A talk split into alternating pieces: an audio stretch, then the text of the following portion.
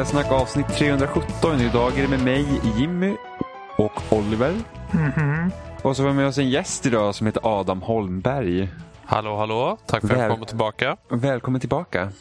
Tackar, tackar. Har vi poddat tillsammans? Har vi det? Jag vet faktiskt inte. Jag kommer inte ihåg det. Jag minns inte heller om vi har poddat tillsammans, för jag vet att du var med förra våren i alla fall. Ja, Och då var inte jag med. Det hade paus. Så hur går det i coronatider? jo, det rullar på. Ehm, eh, man försöker hålla sig ren och frisk och eh, social distancing och allting sånt. Så det blir ju Nintendo Switch och mycket hemma och sånt. Mm. Det är ju ganska intressant när man går och handlar och tänker så här att nu ska jag hålla mig liksom ifrån, ställer sig typ en meter till nästa person när man står i kö liksom, när man är näst på tur. Och så kommer liksom gamla Agneta liksom och ställer sig typ bredvid en och typ nästan flåsar i nacken. Och man säger bara, men ch- chilla. Så, Vad i helvete? Ja, håll, håll avståndet, vi gör det här för dig. liksom. Ja, och det, det är så många äldre som inte bryr sig ett dugg om det här med avstånd. De går runt och traskar runt och handlar och sånt. Och vi bara, snälla dö inte! Ja, precis. Det är skitstörigt.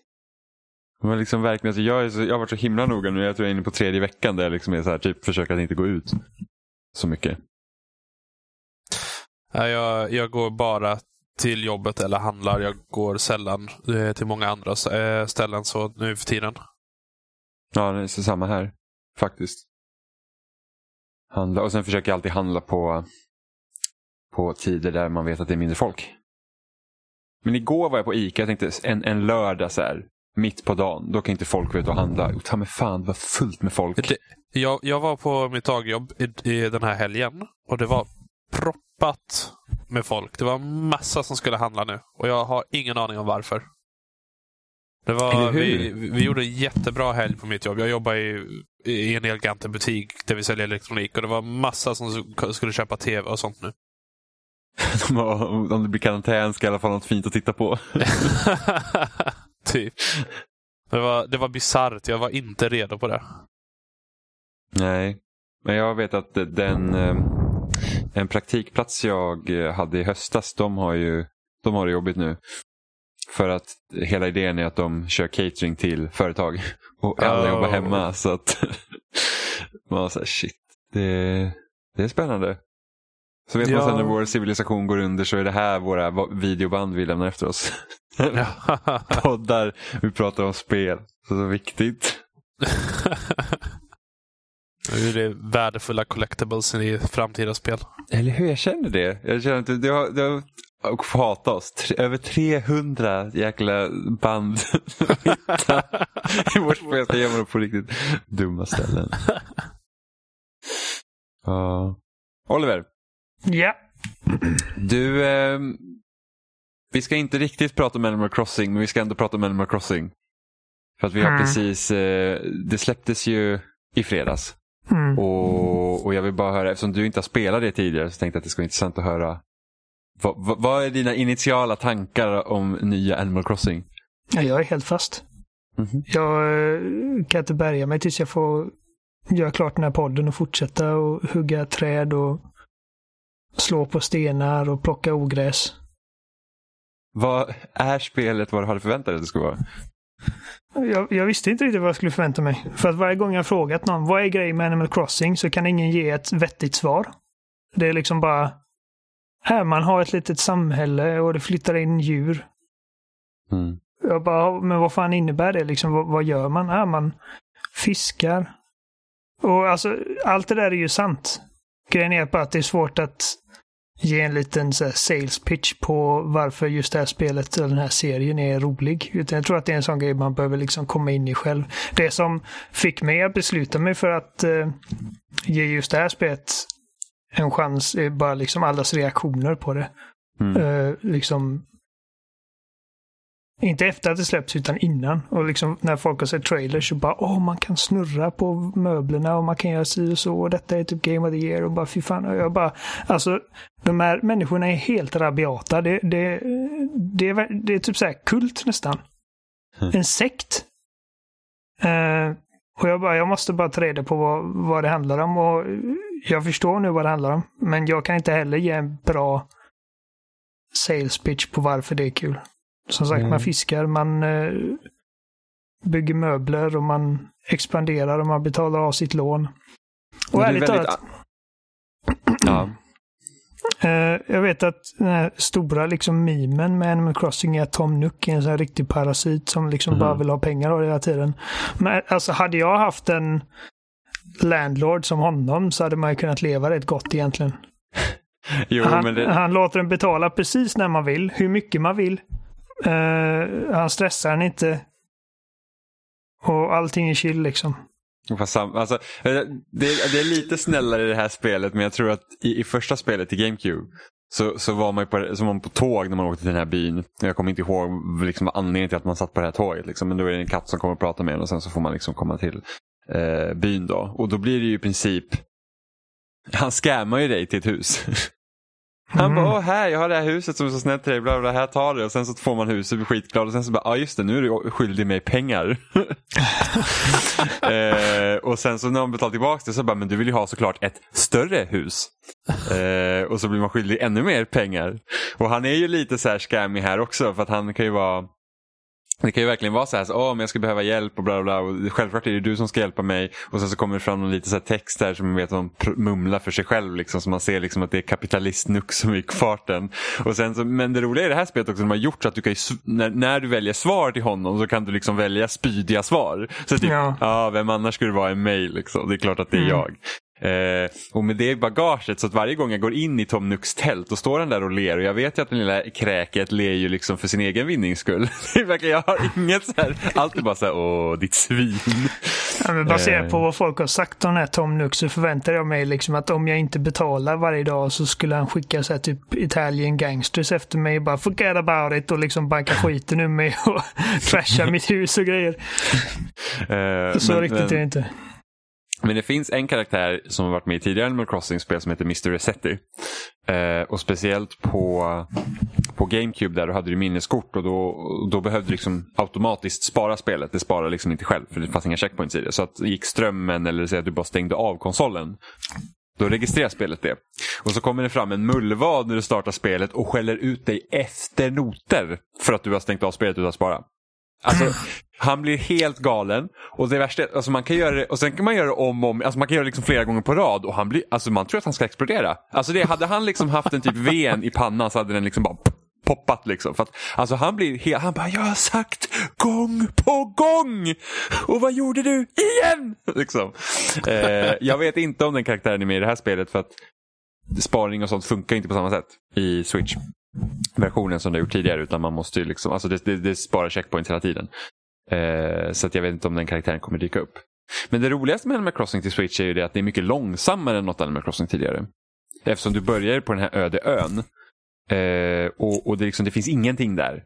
Liksom alla de här vanliga byggnaderna som finns i alla tidigare Animal Crossing så att du har liksom ett town hall, museumet och massa annat som inte jag vill spoila nu för de som inte har spelat. Eh, det är ju inte där, det är ju en helt tom ö. Och så har du två eh, mm, djur som har flyttat dit med dig. Som också har liksom sina tält där och sen är det Tom Nook då så ni ska bygga upp ön tillsammans. Så att, därav gör att det finns inte lika mycket att göra som tidigare. På en gång. Så att eh, det, det är Nej, mycket... men man är ändå helt instrumental till hur liksom det här lilla samhället formas. Ja, absolut. Vilket är... Jag var inte helt vän med att man skulle typ vara borgmästare i förra Animal Crossing New Leaf. Liksom att man får bestämma så mycket över staden själv. För att jag gillar ju det här när att det händer saker som inte jag påverkar. Utan det är så att, åh, någon har flyttat in här. Eh, och, och sådär. Och så när jag hörde liksom då i New Horizons att åh, men du kan typ göra allting själv här. Liksom, du får bestämma allt själv. Så var jag sitta, åh, det, det vet inte jag om jag gillar. För jag gillar ju verkligen det här slumpmässiga. Liksom, så, att, så att saker händer utan min kontroll. Eh, men jag måste ändå säga det här med typ nybyggargrejen, att man faktiskt är här och ska forma allting själv. Det är faktiskt mer intriguing än att man tog över en stad i förra Animal Crossing. Eh, så att jag är väl, alltså jag tycker det är väldigt bra. Jag tycker det här spelet är superbra. Det, det, är liksom, det är rätt inriktning för Animal Crossing. Just att man kan crafta. Jag tycker den här idén med Nook Miles som finns och det, det ska man i princip kunna säga att det är som daily missions. Som i vilket Destiny eller Ja. vad som helst. Är skitbra. För att då finns det alltid någonting man kan göra. Mm. Och du blir Eh. belönad för allt i princip. Ja.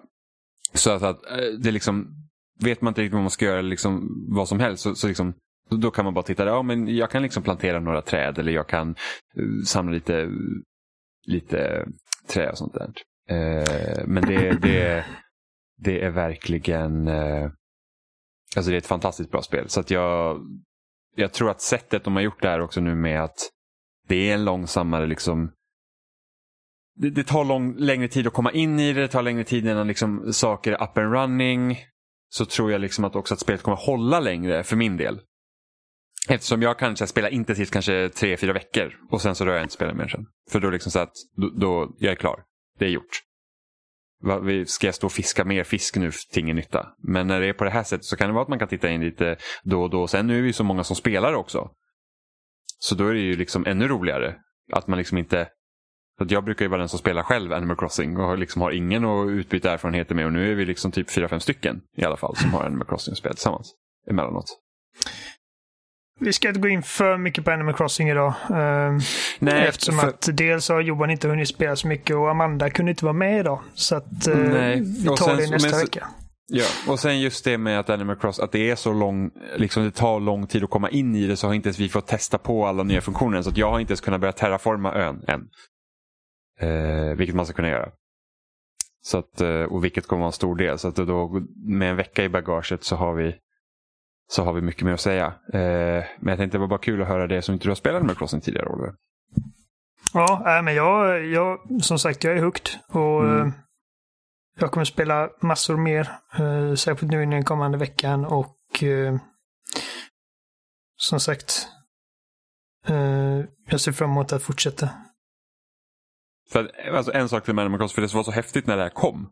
Alltså Animal Crossing till GameCube och Animal Forest på 1964. Det var att den går ju helt efter den riktiga klockan. Mm. Så det är liksom en, en, ganska speciell upplevelse så. Ja, det är det. Men det var inte bara Animal Crossing som släpptes i fredags. Nej, fan vilken bra eh, dag det blev. 20 mars. Ja, precis. Uh, ja, bortsett från all annan skit. 800 döda i Italien och Doom Eternal Animal Crossing släpptes. Kanondag. Vilken bra dag för uh, interaktiv underhållning. Ja. Om man uh, bortser från all skit som händer. Jag kände att Animal Crossing, alltså, nu, som sagt, nu har vi precis lämnat det, men jag bara säga att det känns som att det är precis vad mänskligheten behövde just nu. Ja. Bara liksom söta djur och fånga fjärilar och grejer. Men alltså det ser, alltså okej. Okay. Ursäkta, men alltså Animal Crossing, jag måste det ser, alltså, det ser ju helt fantastiskt Alltså Nintendos art team är liksom, alltså alla deras spel ser helt fantastiska ut. Ja. Det ser så jäkla, alltså det är så vackert. Man bara såhär, åh, här pratar så här nya konsoler 4K 120 FPS och man bara fuck Fuck that. Här har vi Animal Crossing och typ man kan se päls. Åh, titta de här löven i träden och rasslar i vinden. liksom. Man bara, Åh. Så det, det är faktiskt ganska, det, det, det är oerhört vackert. Men alltså så, löv men... som rasslar i vinden, är inte det ganska låg standard ändå? Jo, inte i Animal Crossing. Nej, just det. Det är, för att ribba, det, det, det, är så snyggt för att eh, ribban var så Nej, låg alltså, från början. Jag, jag, måste ändå säga att alltså, sen Nintendo gick in i HD-eran med Wii U så jag måste säga att alla deras spel är så jävla eh, fina. Jo, de är fina. Alltså det ser det liksom... Det är verkligen helt, alltså typ Super Mario Odyssey, det ser helt fantastiskt ut. Förutom mm. då alla typ mänskliga karaktärer i New Donk City tillsammans med Mario-karaktärerna. Det är ju det är bisarrt. Ja, det, är fan, det är fan bisarrt. Vad är Mario i en sån värld? Vad är Mario i en sån värld? Liksom en liten gnom. Alltså, det sjukaste är att de inte reagerar starkare på honom. Hade jag Nej. sett en sån liksom, alltså 50 centimeter hög. Liksom, alltså, vad i helvete? Alltså Mario i den världen är ju typ en, alltså han är typ, han är typ Joe Pesci som liten rund sak som går runt. jag tänker så här, alltså, rörmokare kommer upp med ett jävla grön rörmark. Alltså, han är ju den som törtlarna sparkar ut för att han är för konstig. Är liksom... oh, nej men det ja, nej men Nintendo så jäklar. Mm. Ett annat spel som är jävligt snyggt är Doom Eternal.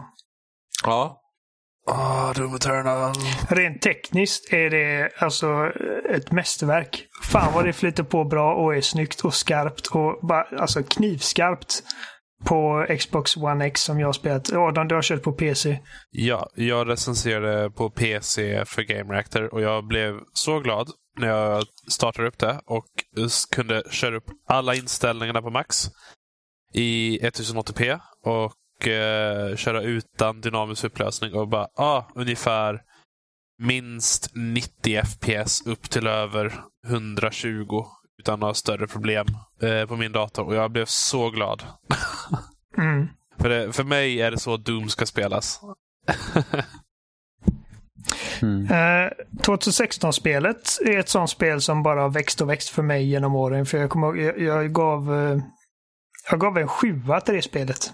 I andra åsikt på Game Reactor. En sjua? Gav du en sjua till Doom, Oliver? En sjua till Doom. Uh, ska vi se. Jag sitter här på sajten. Jag ska dra fram den. Um, för, för jag, jag, tror... jag, var, jag tyckte om det väldigt mycket, men uh, ja, det var Kim Ormark som skrev recensionen. Han gav det åtta. Och jag satt uh, precis sju jag tror att ett av de största problemen med Doom 2016 var det att det blev inte kul förrän du liksom hade alla vapen och börjat uppgradera dem. Eh, för att jag, när jag spelade Doom 2016 så var jag också så att ja, jag kan spela en bana i taget, sen är det lite mycket. Eh, och sen när jag spelade om det för typ, det blir snart ett och ett halvt år sedan. Då var det verkligen så att, för då, då körde jag typ New Game Plus så jag hade liksom alla grejer. Jag var så här, nu, då, då förstår man liksom vad det handlar om. Eh, för att då blir det liksom, när du har tillgång till hela arsenalen då blir det så en himla annorlunda upplevelse. Jag tror att det jag alltså tog, tog fram som eh, eh, minuspoäng här i första spelet var att eh, det greppade inte liksom med sin värld och sin story på samma sätt som Wolfenstein The New Order gör. Eh, det har inte lika tydligt driv och det har inte lika spännande berättelse och story. Och miljövariationen eh, var sådär. Så här nu i efterhand, alltså Doom har bara alltså snabbt blivit ett av mina absoluta favorit actionspel i modern tid. Och den sjuan är en skymf mot mm. det spelet. Det är liksom en sån grej att, jag bara förstod inte riktigt.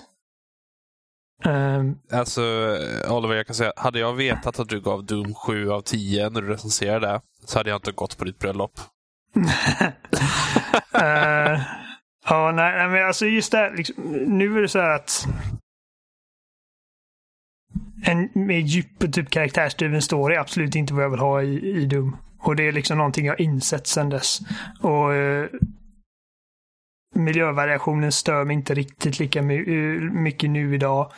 Uh, och sen tror jag också det mycket handlar om att jag, jag gjorde den här liksom att jag, jag höll mig till min uh, kulspruta och min eh, super shotgun och liksom blastade sönder allting på normal. Jag tror att det var först när jag spelade på eh, Nightmare som jag verkligen, liksom poletten trillade ner och jag bara, detta är typ det mest väldesignade, bara liksom schackspelet med eh, typ hinkvis av Demon Guts som någonsin gjorts. Så eh, uppföljaren har liksom varit så här riktigt het för mig nu det, det senaste. Och jag... Eh, var ska man börja ens? För alltså, innan vi började spela in podden så gjorde vi det ganska tydligt att ni tycker första spelet är bättre. Så långt som jag har kommit igen. Alltså, jag, jag har ju spelat ut hela spelet. Jag hann, jag hann spela ut allting innan jag skrev min recension, som, som tur var. Um, mm. Och jag känner att Doom 2016 fortfarande är min personliga favorit. Men det är mera på grund av teknikaliteter. Eh, som jag känner att 2016 inte drogs ner av. Eh, som till exempel, som jag nämnde i min recension, så tycker jag att vissa fiender och vissa strider överlag kan vara milt obalanserade. Uh, på ett sätt som gör att de känns lite orättvisa ibland. Till exempel vissa attacker har ganska lång range och kan hugga till väldigt, väldigt snabbt.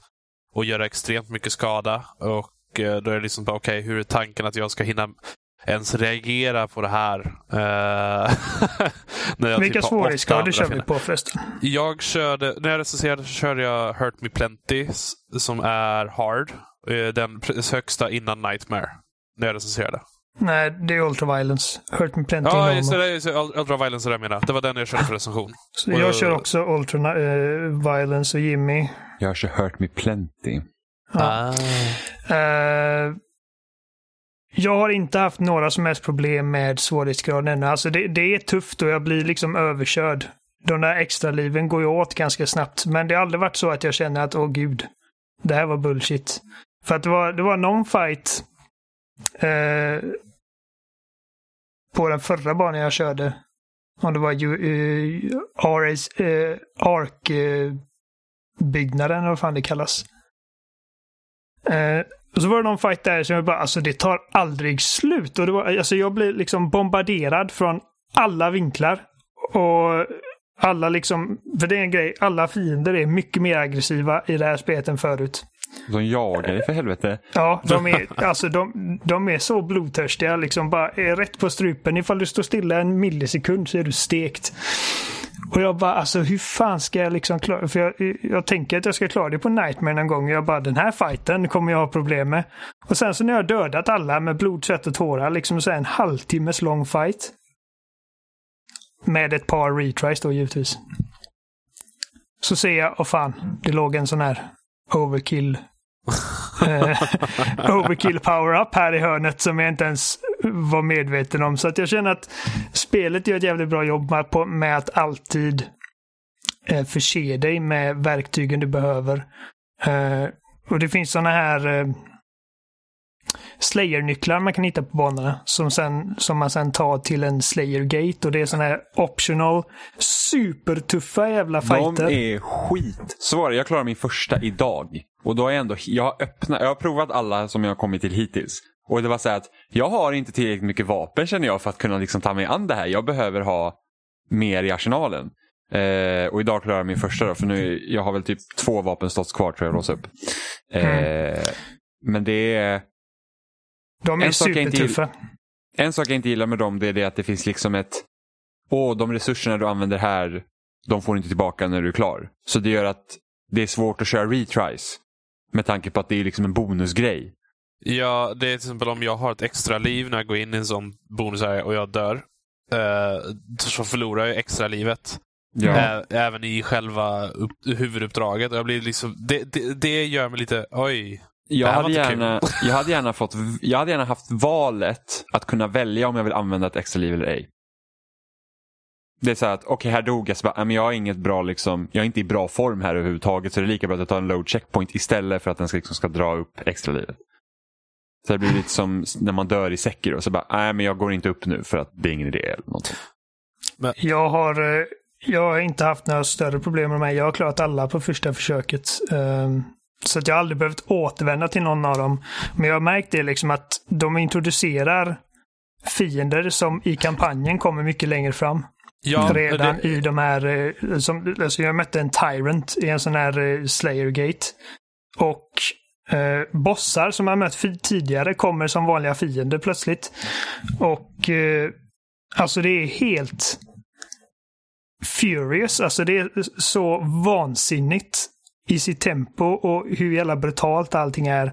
Men jag har alltid känt att jag klarat mig och det har varit flera gånger liksom som och det är det som jag tycker, just det här med eh, liksom din eh, resource management i det här spelet, hur jävla bra den är. Att du har liksom flame belchern som du sätter eld på fiender och om du då skadar och dödar de här fienderna medan de brinner så får du alltså massor av armor pickups. Eh, glory kills är precis som förut. Du får eh, liv och det laddar också upp din eh, blood punch.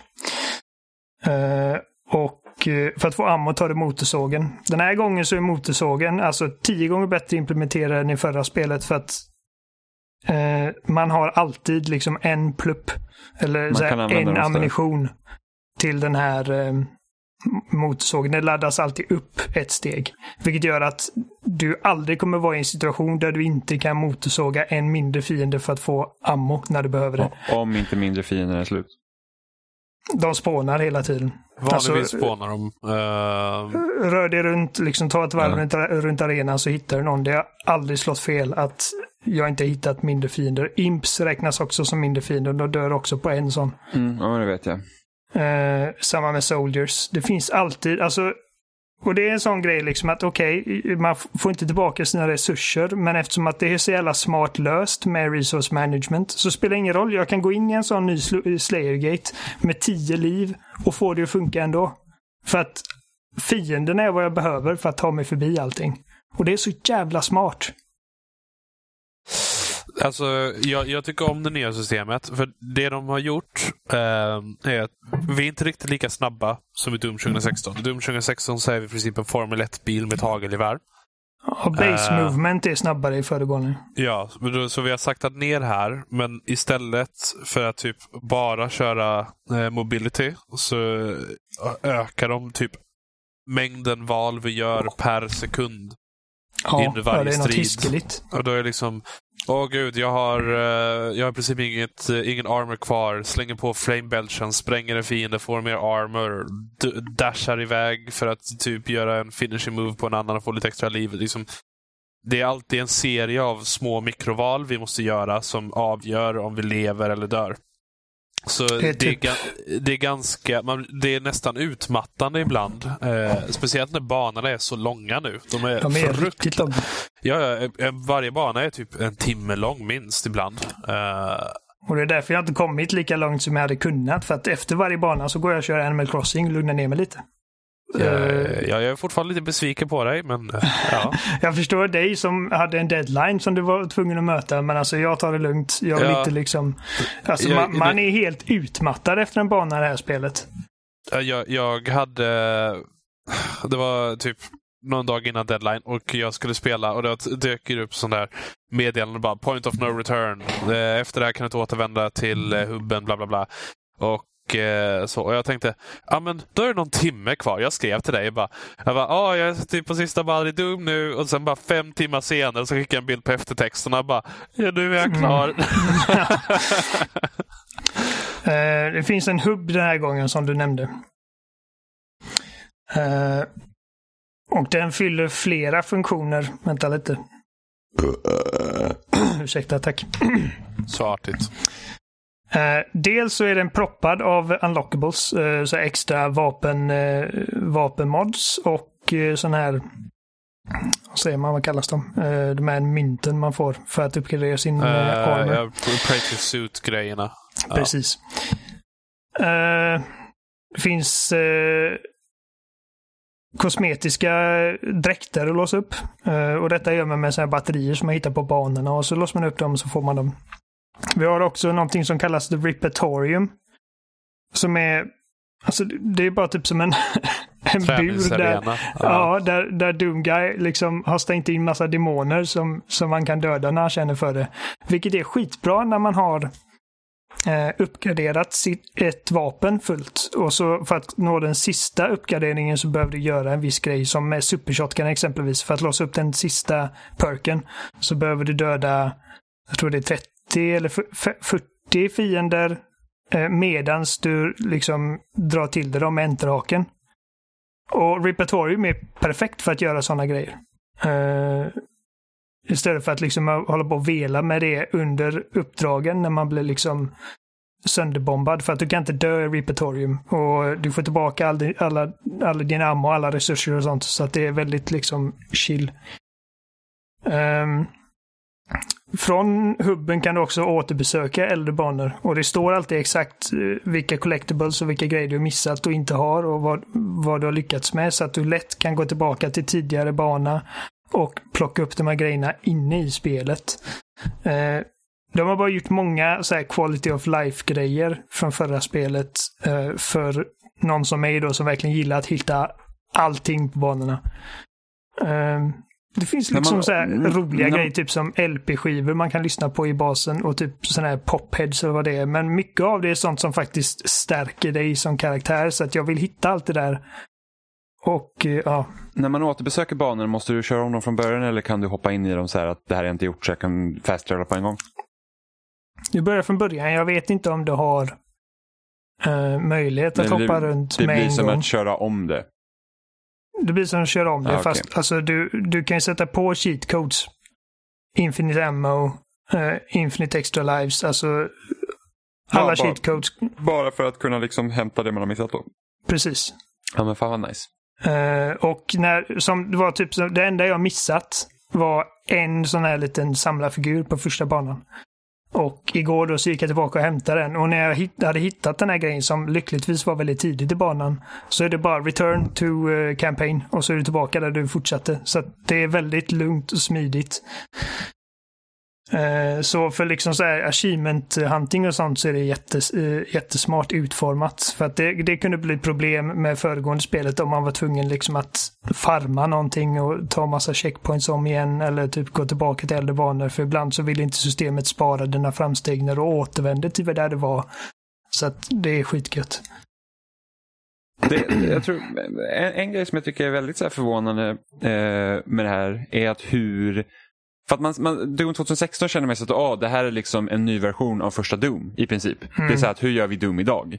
Jag känner att det här drar ännu mer eh, liksom från de gamla spelen. Definitivt. Så att för jag har ju spelat jag har inte spelat original Doom från 93 tidigare och det har jag gjort inför Doom Eternal nu så jag är nästan klar med det spelet. Eh, och liksom många av de grejerna som finns i det spelet finns i det här spelet men inte 2016.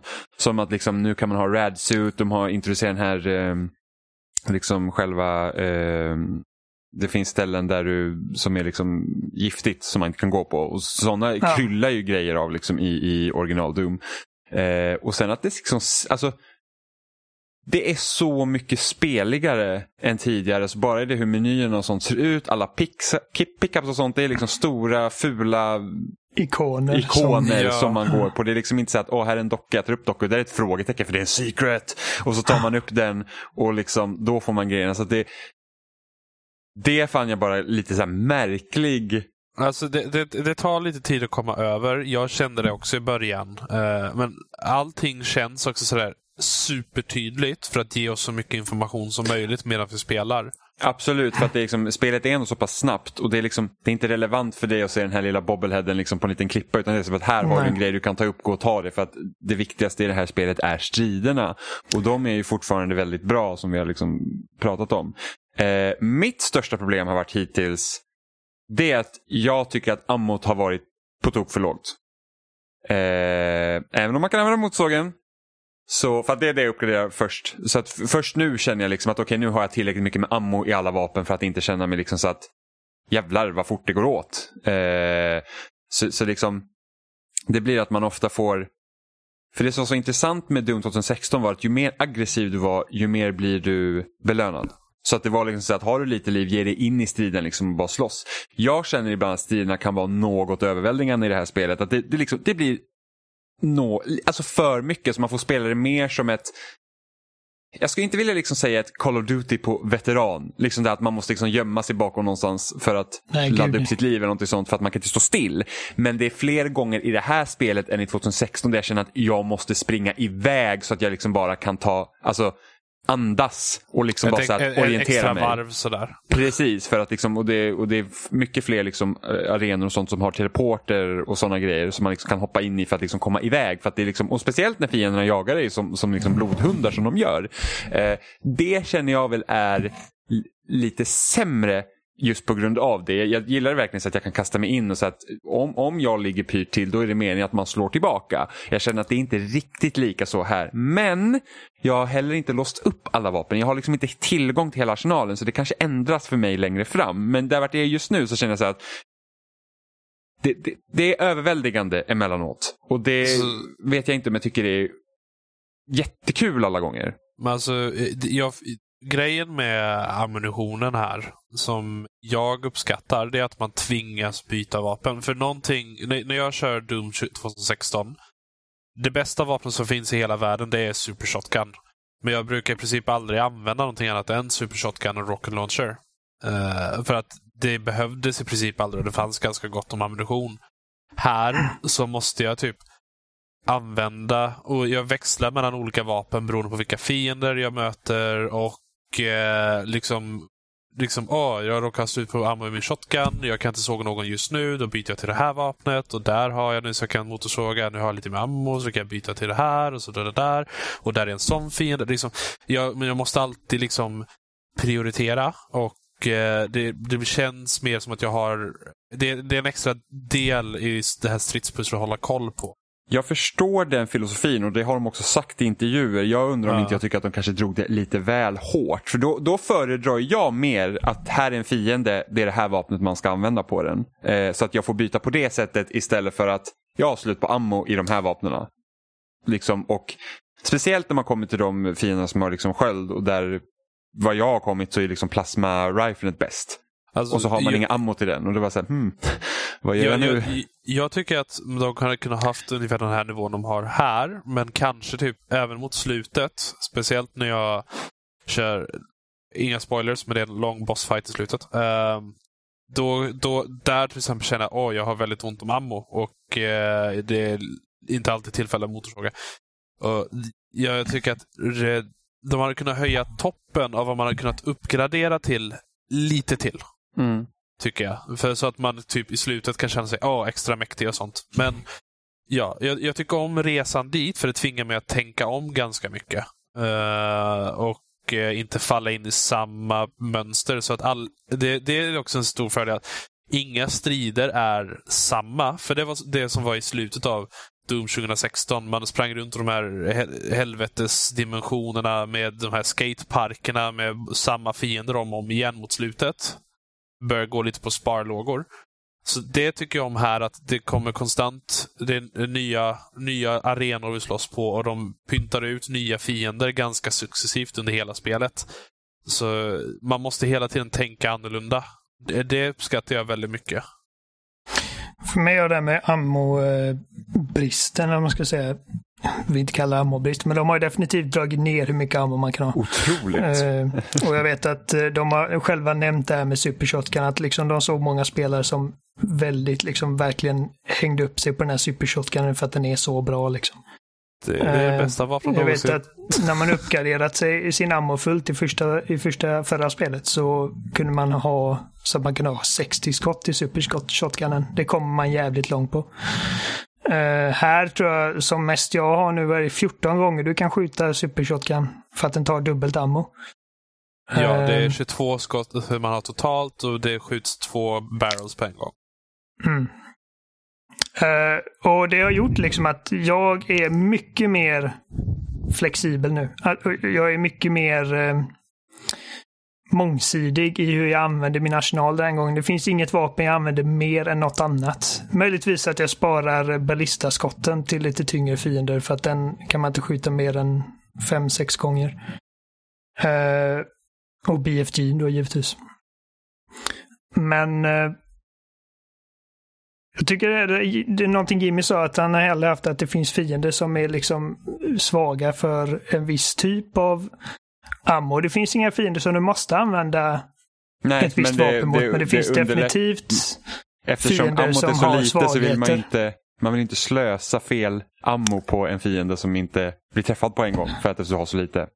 Nej, men alltså typ som du, du kan snabbt, om du säger liksom att du är i en situation, okej nu har jag börjat få slut på uh, shotgun. Vad har jag? Okej, jag har en assault rifle.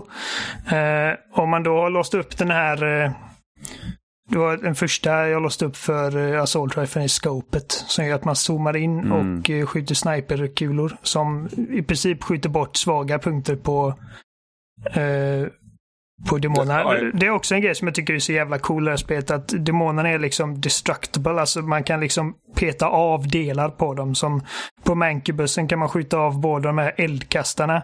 Och helt plötsligt så har den inte den attacken och måste använda andra grejer. På Aractortronen kan man skjuta bort eh, den här lilla kanonen han har. eh, på svansen. Och jag känner att den, det superskopet känner jag var väldigt nödvändigt för att alltså det, spelet är så pass snabbt annars att det är svårt att skjuta bort eh, extra delarna. Den underlättar som Den- fan. den och särskilt om man har runen som gör att du kan, eh, om du siktar in när du, när du är i luften så får du lite slow Den motion. låste jag upp precis. Så eh, den gör ju fighterna betydligt mer eh, lätthanterliga. Liksom att man, man kan hoppa upp i luften, eh, zooma in med snipern och skjuta bort eh, Revenants, eh, Revenantens eh, rocket launchers på ryggen. Eh, kanonen på Arachnotronen. Alla de här liksom extra kanonerna de har på sig. Eh, så man liksom oskadliggör dem lite. Eh, och sen också typ ifall det kommer en snubbe med en sköld. De här sköldnissarna som jag hatade Åh, fy i, två- fan. i, i två- 2016-spelet. Åh, gud, ja, gud. är nu hur lätta som helst. För man har... Eh, eh, de är fortfarande så här, Plasma. ifall de kommer för nära så skjuter de det till kött, eh, köttslamsor.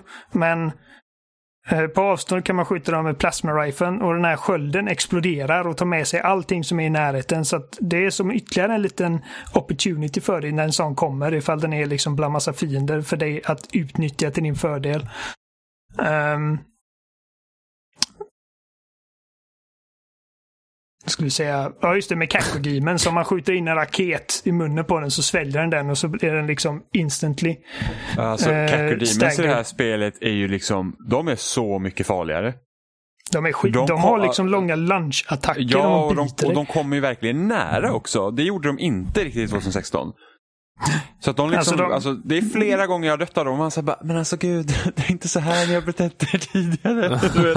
Vad fan, Ja, men det är det. Många av fienderna har liksom mer aggressiva mönster, men du, du har också fått mer eh, liksom valmöjligheter hur du anfaller dem. Som, som Kak- Kakodimen är det perfekta exemplet. Den är mycket farligare i det här spelet, men den är också en sån one shot kill ifall du använder den på rätt sätt. Mm. Antingen liksom skjuta en granat från din axelmonterade launcher. Eller eh, med eh, din eh, med din granatmod till shotgunen. Så att de är ju liksom, bara man har koll på läget är de hur lätta som helst. Det är liksom när, de, när du låter dem komma för nära som de blir farliga. Och det är ju det som är hela det här med liksom schackbrädet. Att du hela tiden identifierar vilka pjäser som finns på planen. Och hur mycket ammo du har av allting. Och liksom just nu så okej, jag har full hälsa men jag har lite dåligt med, dåligt med uh, armor. Så eldar man upp liksom en grupp med mindre fiender och skjuter dem. Helt plötsligt så har man full armor och sen så motorsågar den, motorsågar den. Alltså det, det är som Adam sa förut, liksom, alltså du gör dussintals snabba, liksom kalkylerade beslut. Medans du kör liksom den här typ racerbilen i 300 km i timmen. Och det är så jävla tillfredsställande när det, när det funkar. Och det är som de här sl- Slayer-gatesen. Jag, eh, jag älskar dem. De är, de är det svåraste i hela spelet. Men det är typ varje gång jag går in till en så är det bara fuck yes, nu kör vi, nu kör vi. och som, eh, jag vet att du, du varnar mig för den här fienden Marauder. Eh, ja. Jim har inte mött den än, men alltså Nej. det är liksom, han är den ultimata anti-Doom guy i princip. Han, han är honom. liksom, han är Doom guy på, på uh, demonernas sida. Han har en stor yxa och en egen liksom supershotgun. Eh, och du möter honom liksom i en liten bossfight längre fram. Eh, och han är, alltså jag vet att Adam inte gillar honom. Jag tyckte att när jag väl lärt mig hur jag ska hantera honom så var han så jävla cool liksom. Extra såhär liksom queen piece på schackbrädet. För att ifall du är för nära så skjuter han med shotgunnen. Du flyger bak och tar hur mycket skada som helst. Ifall du är för långt bort så skjuter, liksom, skjuter han så här projektiler från sin yxa. Han kan skicka ut en typ spökvarg som jagar dig. Han är livsfarlig. Nej, Jag, Eh. jag tycker inte att han är, jag tycker verkligen inte att han är rolig att slåss mot. Jag tycker verkligen inte det. Eh, jag, jag blir så frustrerad för att när man väl slåss mot honom, då är det typ, okej, jag står här, han går runt mig, han anfaller, jag zappar honom. Liksom så. För att Han man måste, vänta, man måste vänta på att han eh, attackerar och då ger han en liten, grön signal. Det betyder att han är sårbar och då bara pss, skjuter man honom. Ehm, Jag hade roligare med honom i Slayer-gaten än vad jag hade i hans bossfight. För att då är det liksom inte lika mycket annat att fokusera på. För att i Slayer-gaten, när jag mötte honom, så är det han, men det är liksom ett dussin andra fiender du måste hålla koll på också. Vilket gör att jag har inte tid att stå och vänta på hans attacker. Utan jag håller mig i rörelse och liksom Alltså, jag, är typ, jag känner mig typ tvungen att okej, jag måste döda alla andra runt honom så jag kan ta mig an honom. Just för att det, det, jag, det är så svårt liksom. det går här, inte. man måste vara på ett perfekt avstånd för att han ens ska liksom få eh, göra den här attacken så att det lämnar öppet. För skjuter man på honom för långt bort så bara blockerar man skölden och så vidare. Samma sak med för nära. Och går man för nära så skadar han den. Så Grejen med honom är att du måste attackera att honom. rolig. Du måste attackera någon när han gör en attack. Och det är liksom det närmsta jag har kommit till. bara när man är på rätt avstånd. Och jag, jag avskydde den delen. Uh, och jag, jag, jag, är inte den enda som klagat på honom där. Jag, jag tycker inte att han är rolig. Jag tycker inte Revenant Nej, inte Revenant. Det är vad jag säger. Nej, uh, Whiplash. Uh, den nya, uh, nya fienden tycker jag inte heller är rolig. Är det han på tanken? Nej, Whiplash är den här ormgrejen med piskor. Ja, det har jag inte haft något problem med. Nej, men det är att Whiplash har extremt lång räckvidd. Eh, mm. Och kan vara superaggressiv. Så, och, och ja, nej, jag, jag kom inte överens med Whiplash. Eh, tanken är inga större problem för mig eh, efter första gången. Även alltså, den här Maraudern är det närmsta jag kommit till, liksom, om man tänker Devil May Cry Combat i ett, i ett första personsspel. Man måste liksom kontra hans egna attacker mot honom. Och jag älskar sånt. Uh, och så, alltså när man, när man är längre, på längre avstånd och han liksom slänger sina yxattacker på en, alltså det är inga större problem att dodga undan medan man håller på med annat. Så att han, han är inte ett problem för mig. Nej, alltså ehm. problem skulle jag inte säga att han är inte rolig för mig. Uh, det, det är mitt problem med honom. Um, för, för då måste jag liksom, jag kan inte gå på offensiven på honom för att jag måste vänta på honom. Och det tycker inte jag Doom ska vara, att man måste vänta på någon. Um, så sett. Uh, sen om vi pratar, det också som sänkte uh, min kärlek till uh, Eternal lite, det är dels så tycker jag spelet har ganska märklig början det är mycket mer utav en tutorial i det här spelet eh, än förra. Och det är liksom pop-up meddelanden som bara, här är den grejen, här är den grejen. Jag förstår att de måste göra det för att det är så mycket mer komplicerat nu. Men det, känd, det, det kändes lite sådär off för mig när jag började spela det. Sen så eh, är det också det här med att jag tycker att storyn, jag tycker om storyn överlag. Men det är också märkligt mer inkräktande än Doom 2016 där storyn var mycket mer alternativt för en att delta i. Jag upplever inte det, för att om det är någonting jag hatade med förra spelet var att det var flera gånger som du är fast i ett rum och bara tvingas lyssna på någon snubbe som pratar med dig och nu, du står stilla och inget händer. Nu är det cutscenes och... Ja, och eh, de kan du hoppa över. Det kan du inte göra i de förra. Du bara står där. Det är, liksom, alltså det, det är ungefär lika mycket tid som, som spenderas på att bara ge dig exposition. Förutom att nu är det liksom och sen så är det de här liksom, riktiga åh, mellansekvenser. Det, det, kommer små mellansekvenser som säger åh, nu öppnas den här dörren som tar bort kontrollerna för mig. Åh, nu kommer den här fienden in genom dörren. Sådana små saker tycker jag också förstör flowet för mig. Uh, det är ungefär som om man skulle slänga in sådana saker i Half-Life för mig. Visst, jag, jag, jag, tycker inte det. Jag, jag, tycker det sabbar flowet lite. Uh, men det är fortfarande ett fantastiskt spel. Det är ett av mina favoritspel i år. Även om året i princip bara börjat. Uh, men det är, liksom, det är de, här, de små sakerna jag tycker görs sämre 2016. Visst, det var två, tre gånger man var instängd i ett rum med, som Doom Guy. Men sen efter det så var det i princip bara springa och slå demoner i ansiktet. Jo, men det är som sagt, alltså, det stör mig inte. Du kan hoppa över de mellansekvenserna ifall du inte vill ha dem. Oh, men då missar man ju också saker. Så jag menar, jag, jag föredrar, jag föredrog sättet Doom 2016 gjorde det för att det var så få stunder.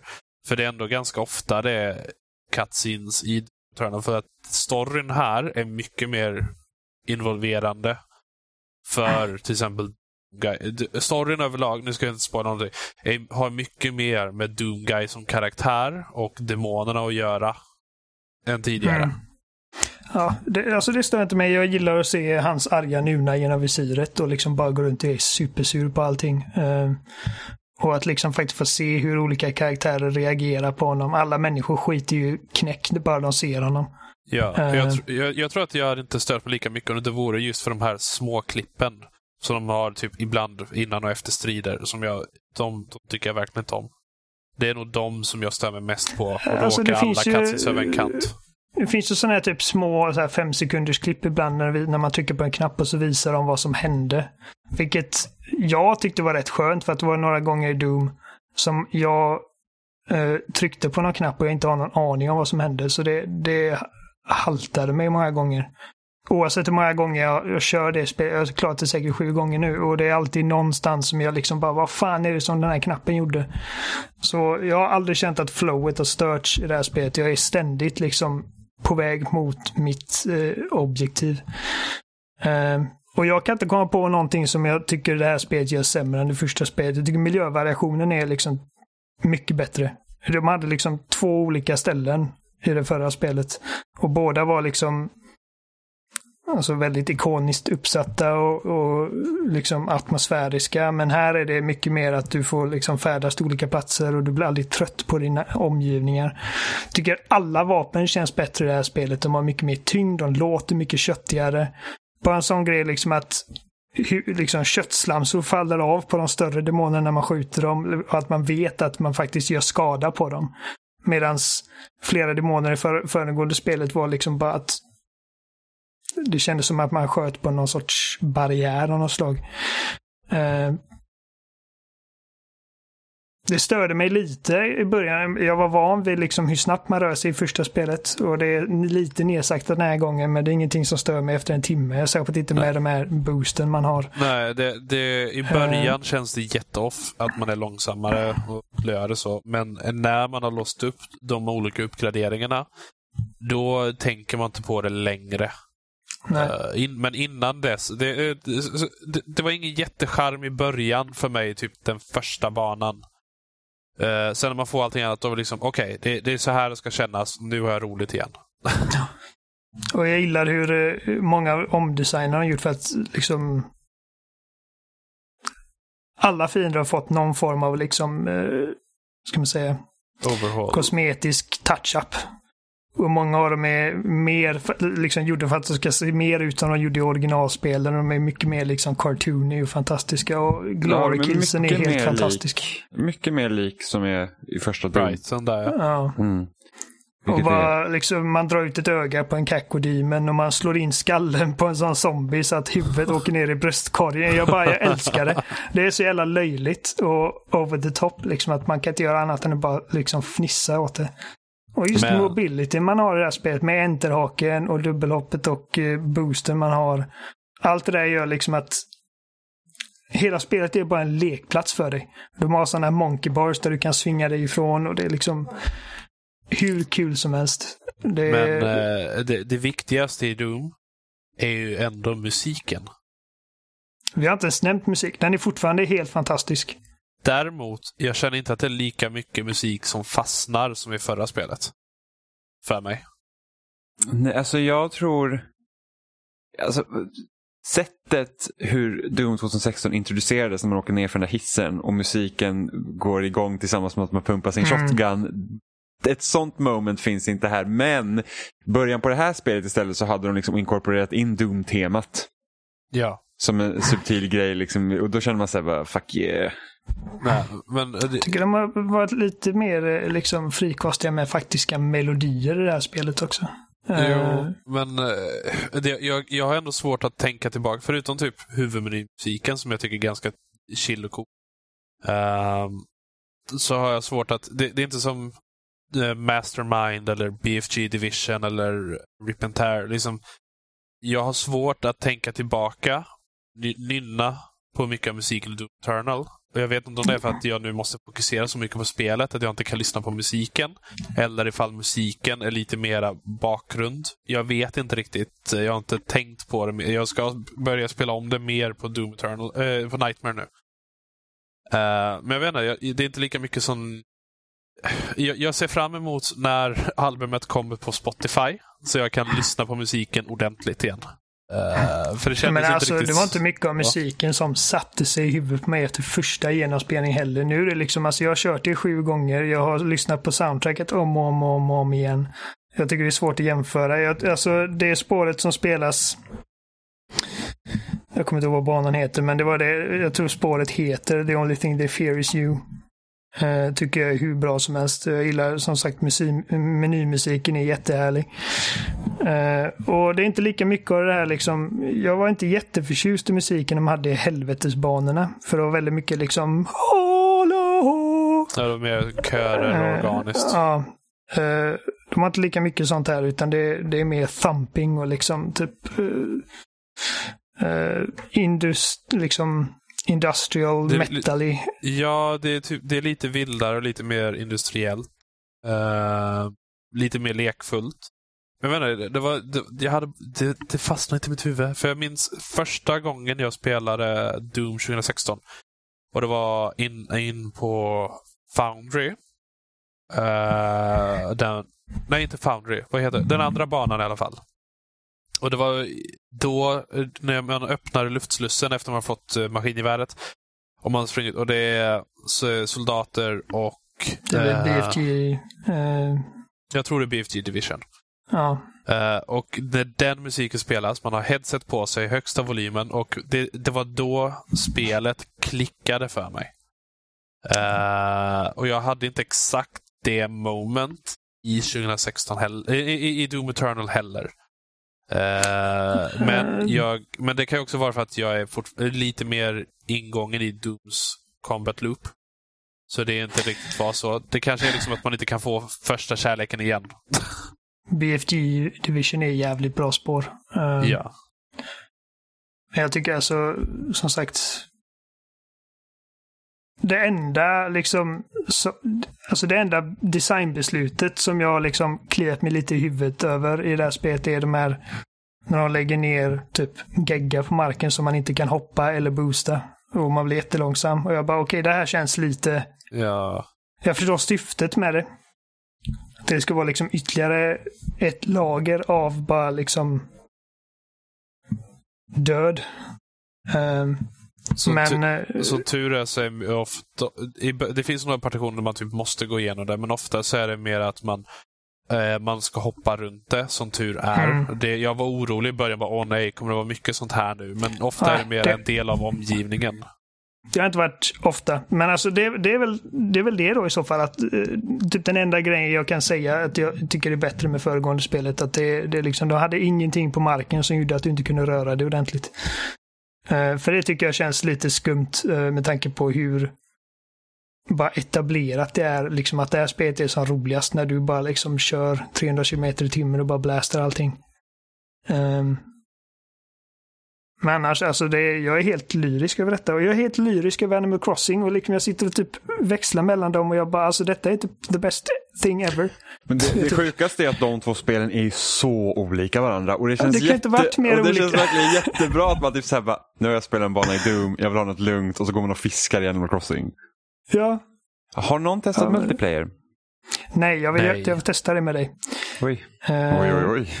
Vad föreslår Jag du? vill testa det med båda, men Adam har det inte på Xbox så det blir inget. Ni får Eh, gärna bidra om ni vill. Ja. Om det är något vi köper till Eh. Adam så är det Animal Crossing. Försök Eh, inte. ja. Join the cult! För Fan. Alltså folk är helt, som sagt, folk är helt rabiata. Jag har sett massa folk på Twitter som bara Åh, de två djuren jag fick, de var fula så jag startade om en ny fil. Jag bara what the fuck? Jag visste inte ens att det var random. Jag såg en skitrolig tweet idag också. Det var såhär, Doom Twitter. Så jag typ så bara, ta din tid. Det är liksom, lär dig banorna, lär dig fienderna så kommer allt gå jättebra. Och sen Animal Crossing. Så bara, fan har du inte hundratusen bells redan jävla plebb? För helvete vad dålig du är. Jag har redan betalat tillbaka mitt lån. Liksom. Jag kunde betala tillbaka mitt lån idag för övrigt. Det var rätt nice. Men Ja, nu kan man expandera i huset tydligen. Ja, ja Jag har, absolut. jag har ett problem att jag, jag börjar fundera på om jag har satt mitt hus fel. För jag satte det precis vid stranden. Jag Jag tänkte det blir tror fint. Du kommer nog få en möjlighet att kunna flytta ditt hus sen. För jag vet Eh. liksom inte hur de ska expandera mitt hus som det är nu utan att förstöra Nej, det jag men, men gjort. jag tror att när du la ner ditt hus, bara det att du kan lägga ner ditt hus någonstans så har du liksom säkrat den platsen tror jag. Eh, för att du, när du lägger ner huset så har du den här rutan ju. Och ditt hus är ju Mm. mindre än den rutan du Ja, la ut. Ja, det är Eh, så att jag, jag, jag tror att det löser sig. Eh, jag har precis fått eh, stege och sånt så jag kan komma upp. Jag kan använda hela min karta. Eh, Mm, det jag känner ju det jag känner med Animal Crossing, nu pratar vi om Animal Crossing igen, det är att kartan är för liten. Det är ändå Den är liksom, rätt liten, För jag tänker ändå så här att det är på Switch nu. och kartan har typ varit den här sizen jämt. Men Jag man hade- har, Det, det, det är liksom lite för att jag fick lov att lägga ut tre eh, stycken framtida hus idag för att det ska flytta dit folk och eh, jag var så här, fan jag vet inte vart jag ska lägga det. Det är liksom trångt överallt. Jag bara, det här trädet vill inte jag ha ner här och det här vet jag att jag har planterat med annan frukt så jag kan få det. Så det blir så här att, nej, jag, jag, jag hade gärna hoppats på en större karta faktiskt. Ja, Alltså, det, det hjälper lite att man kan besöka random öar ibland. Och Jo, men den kan att- du inte göra något med.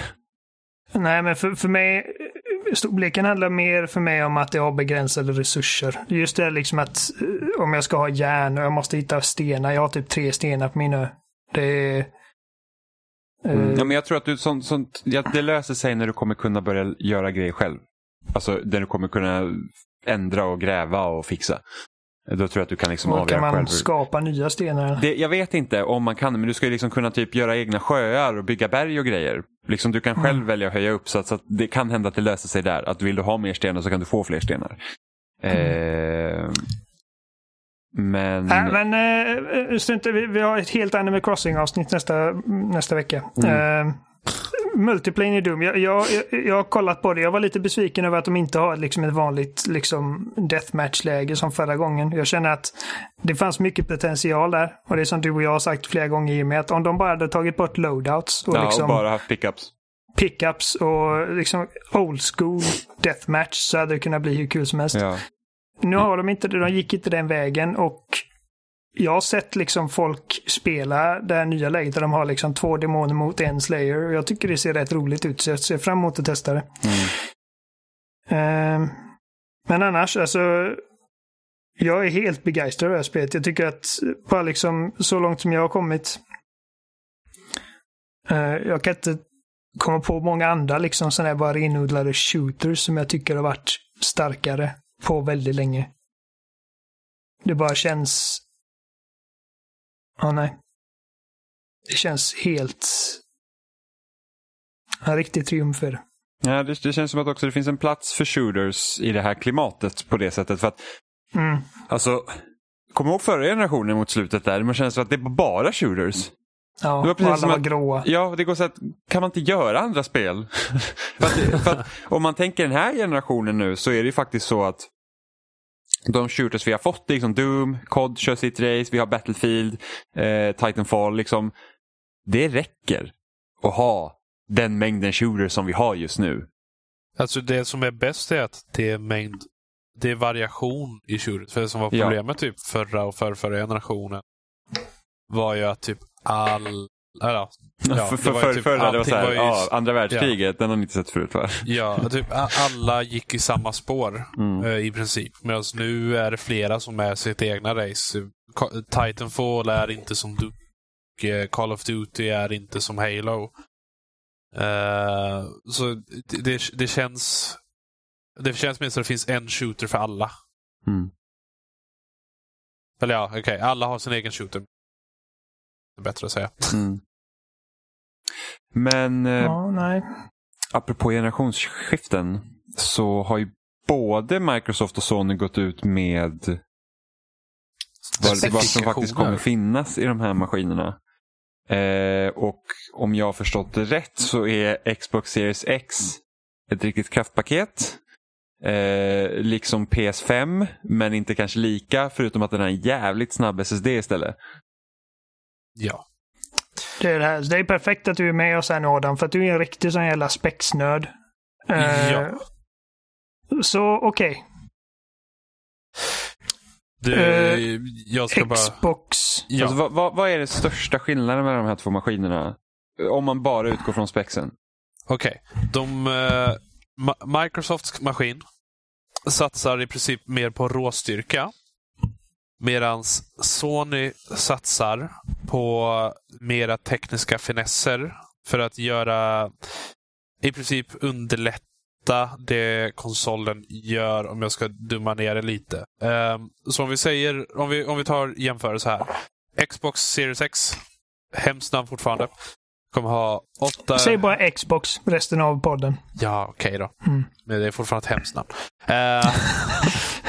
De har 8-kärnig Zen 2-processor. Zen 2 är eh, den senaste arkitekturen från AMD. Det är samma arkitektur, fast antagligen med modifikationer som jag har min Ryzen 3900X i min PC. Den kommer köras på 3,8 GHz eller 3,5 om de kör eh, SMT, vilket Intel kallar för hyperthreading till exempel. Eh, de kommer ha grafikchip med, från RDNA 2-teknik eh, från AMD med 12,16 teraflop med 52 compute units på 1,825 GHz. 16 GB RAM, 1 terabyte SSD.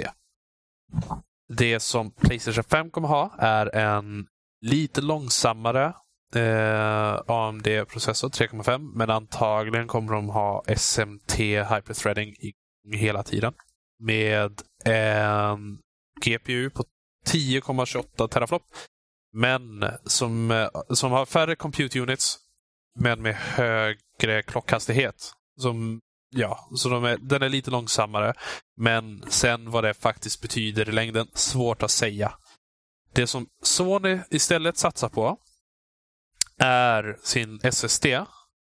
Som ska underlätta i princip allting vad gäller streaming av data, laddningstider, hur, hur designers kan eh, designa sina spel och så vidare. För att den är löjligt snabb i jämförelse med Microsoft. Uh, jag vet inte, var vill ni jag ska börja? Alltså vad, vad, är, jag vet att jag har frågat er det en gång. Uh, men vi tar det en gång till för lyssnarna. Uh, vad är skillnaden mellan en HDD och en SDD? Och vad liksom, är det minnet i konsolen eller vad är liksom? Okej. Okay. Um, ehm, en traditionell HDD, det är en mekanisk hårddisk. Det, om vi tar vårt Playstation 4 och Xbox One. De har en mekanisk hårddisk som är traditionell 2,5 tums eh, mekanisk. Eh, så, så, det är en magnetisk skiva med en liten arm.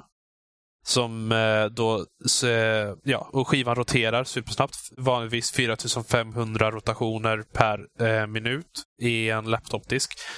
Och då är det den här lilla sökararmen som är nästan som en, armen på en grammofonskiva som ska försöka söka efter informationen som finns spridd över eh, över den här lilla metallskivan. Då.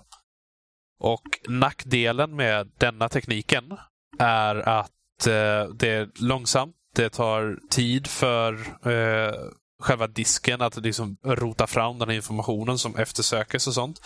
Det blir ofta utspritt med information och man måste lägga dem i kluster och sådana saker. En SSD är helt elektroniskt. Det är inga rörliga delar, utan det är ett minneschip som allting bara pumpas in i och så är det en kontrollenhet som i princip sorterar och vet vart allting finns.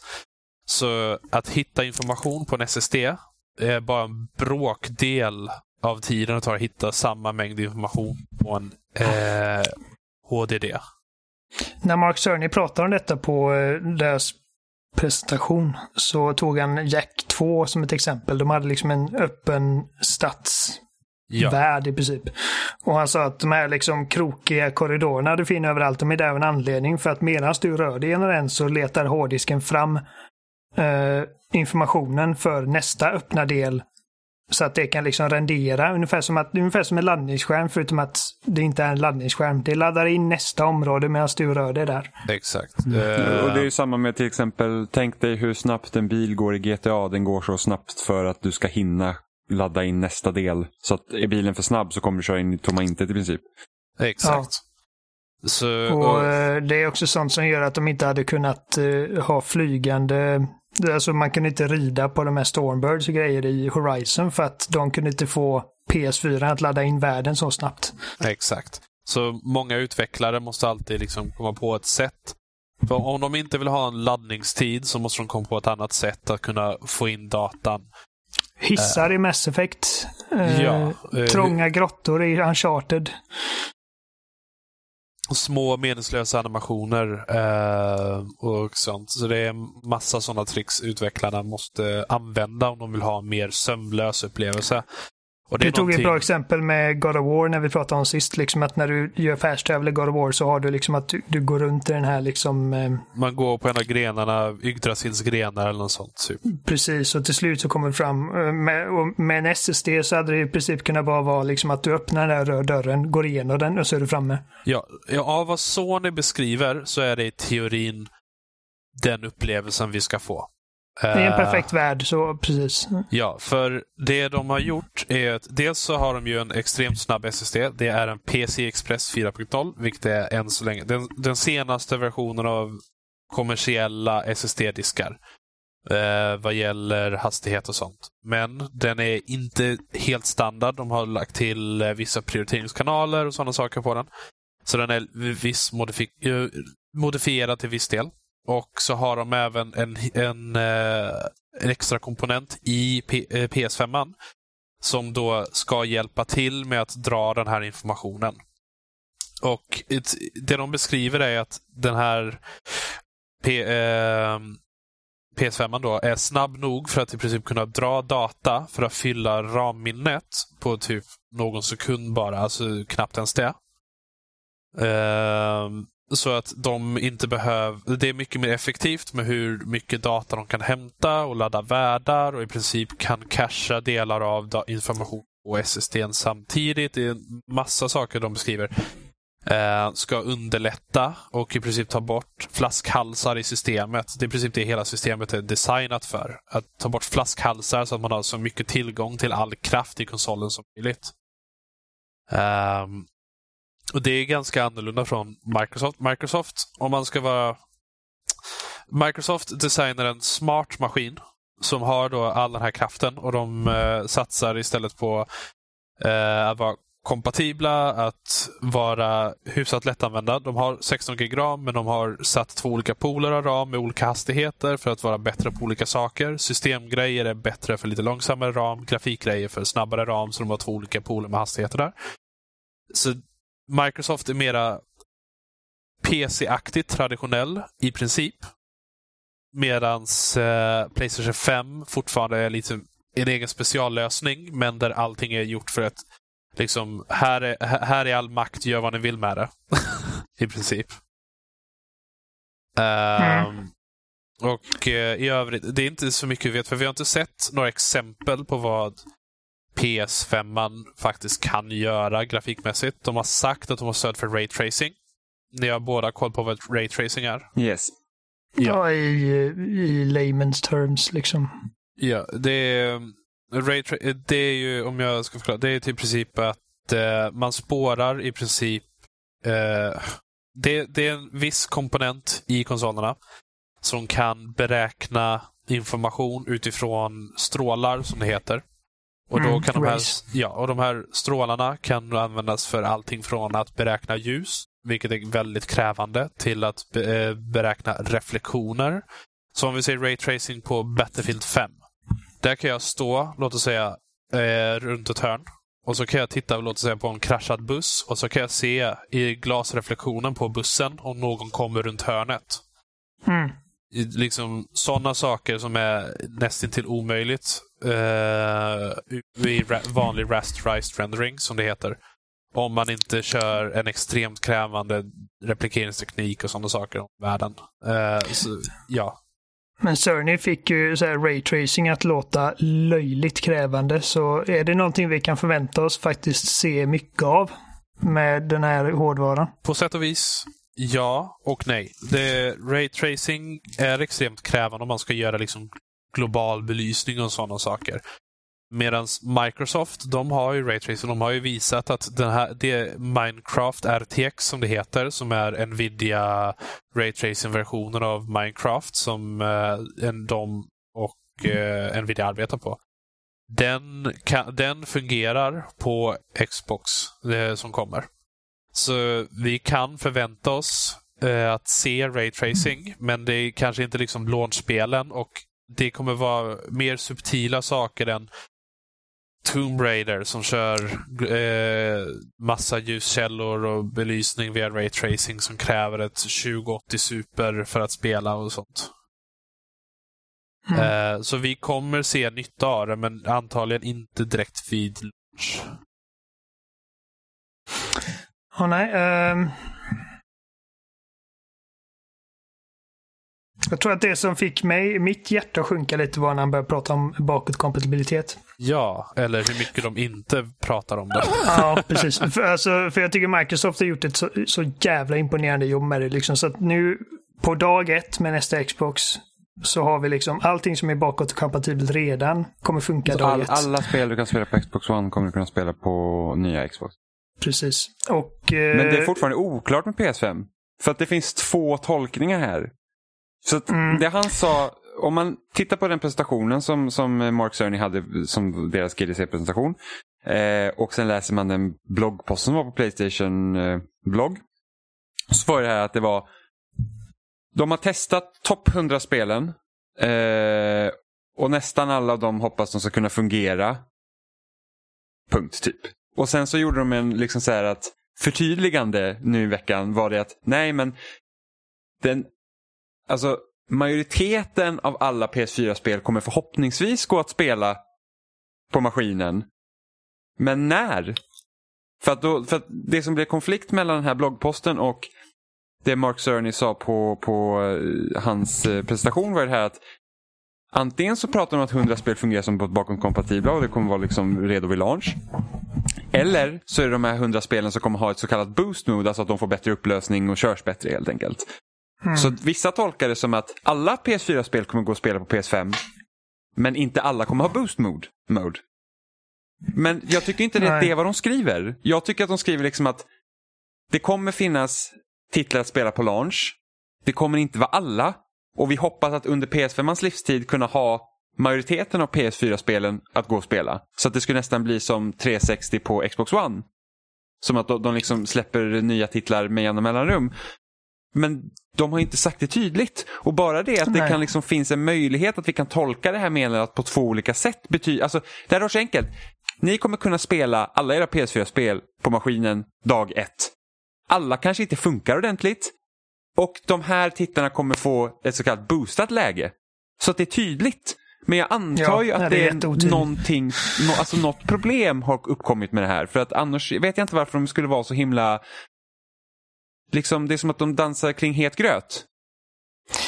Det Cerny sa på presentationen var “We're excited to confirm that the backwards compatibility features are working well. We recently took a look at the top 100 PS4 titles as ranked by playtime and we're expecting all, almost all of them to be playable at launch on PS5.” Vilket låter... Almost. Ja. Almost. Och då är det så att då Eh, kommer inte alla spel, då kan du inte ta vilket spel du har i din PS4 och stoppa in i din PS5 och så kan du spela det.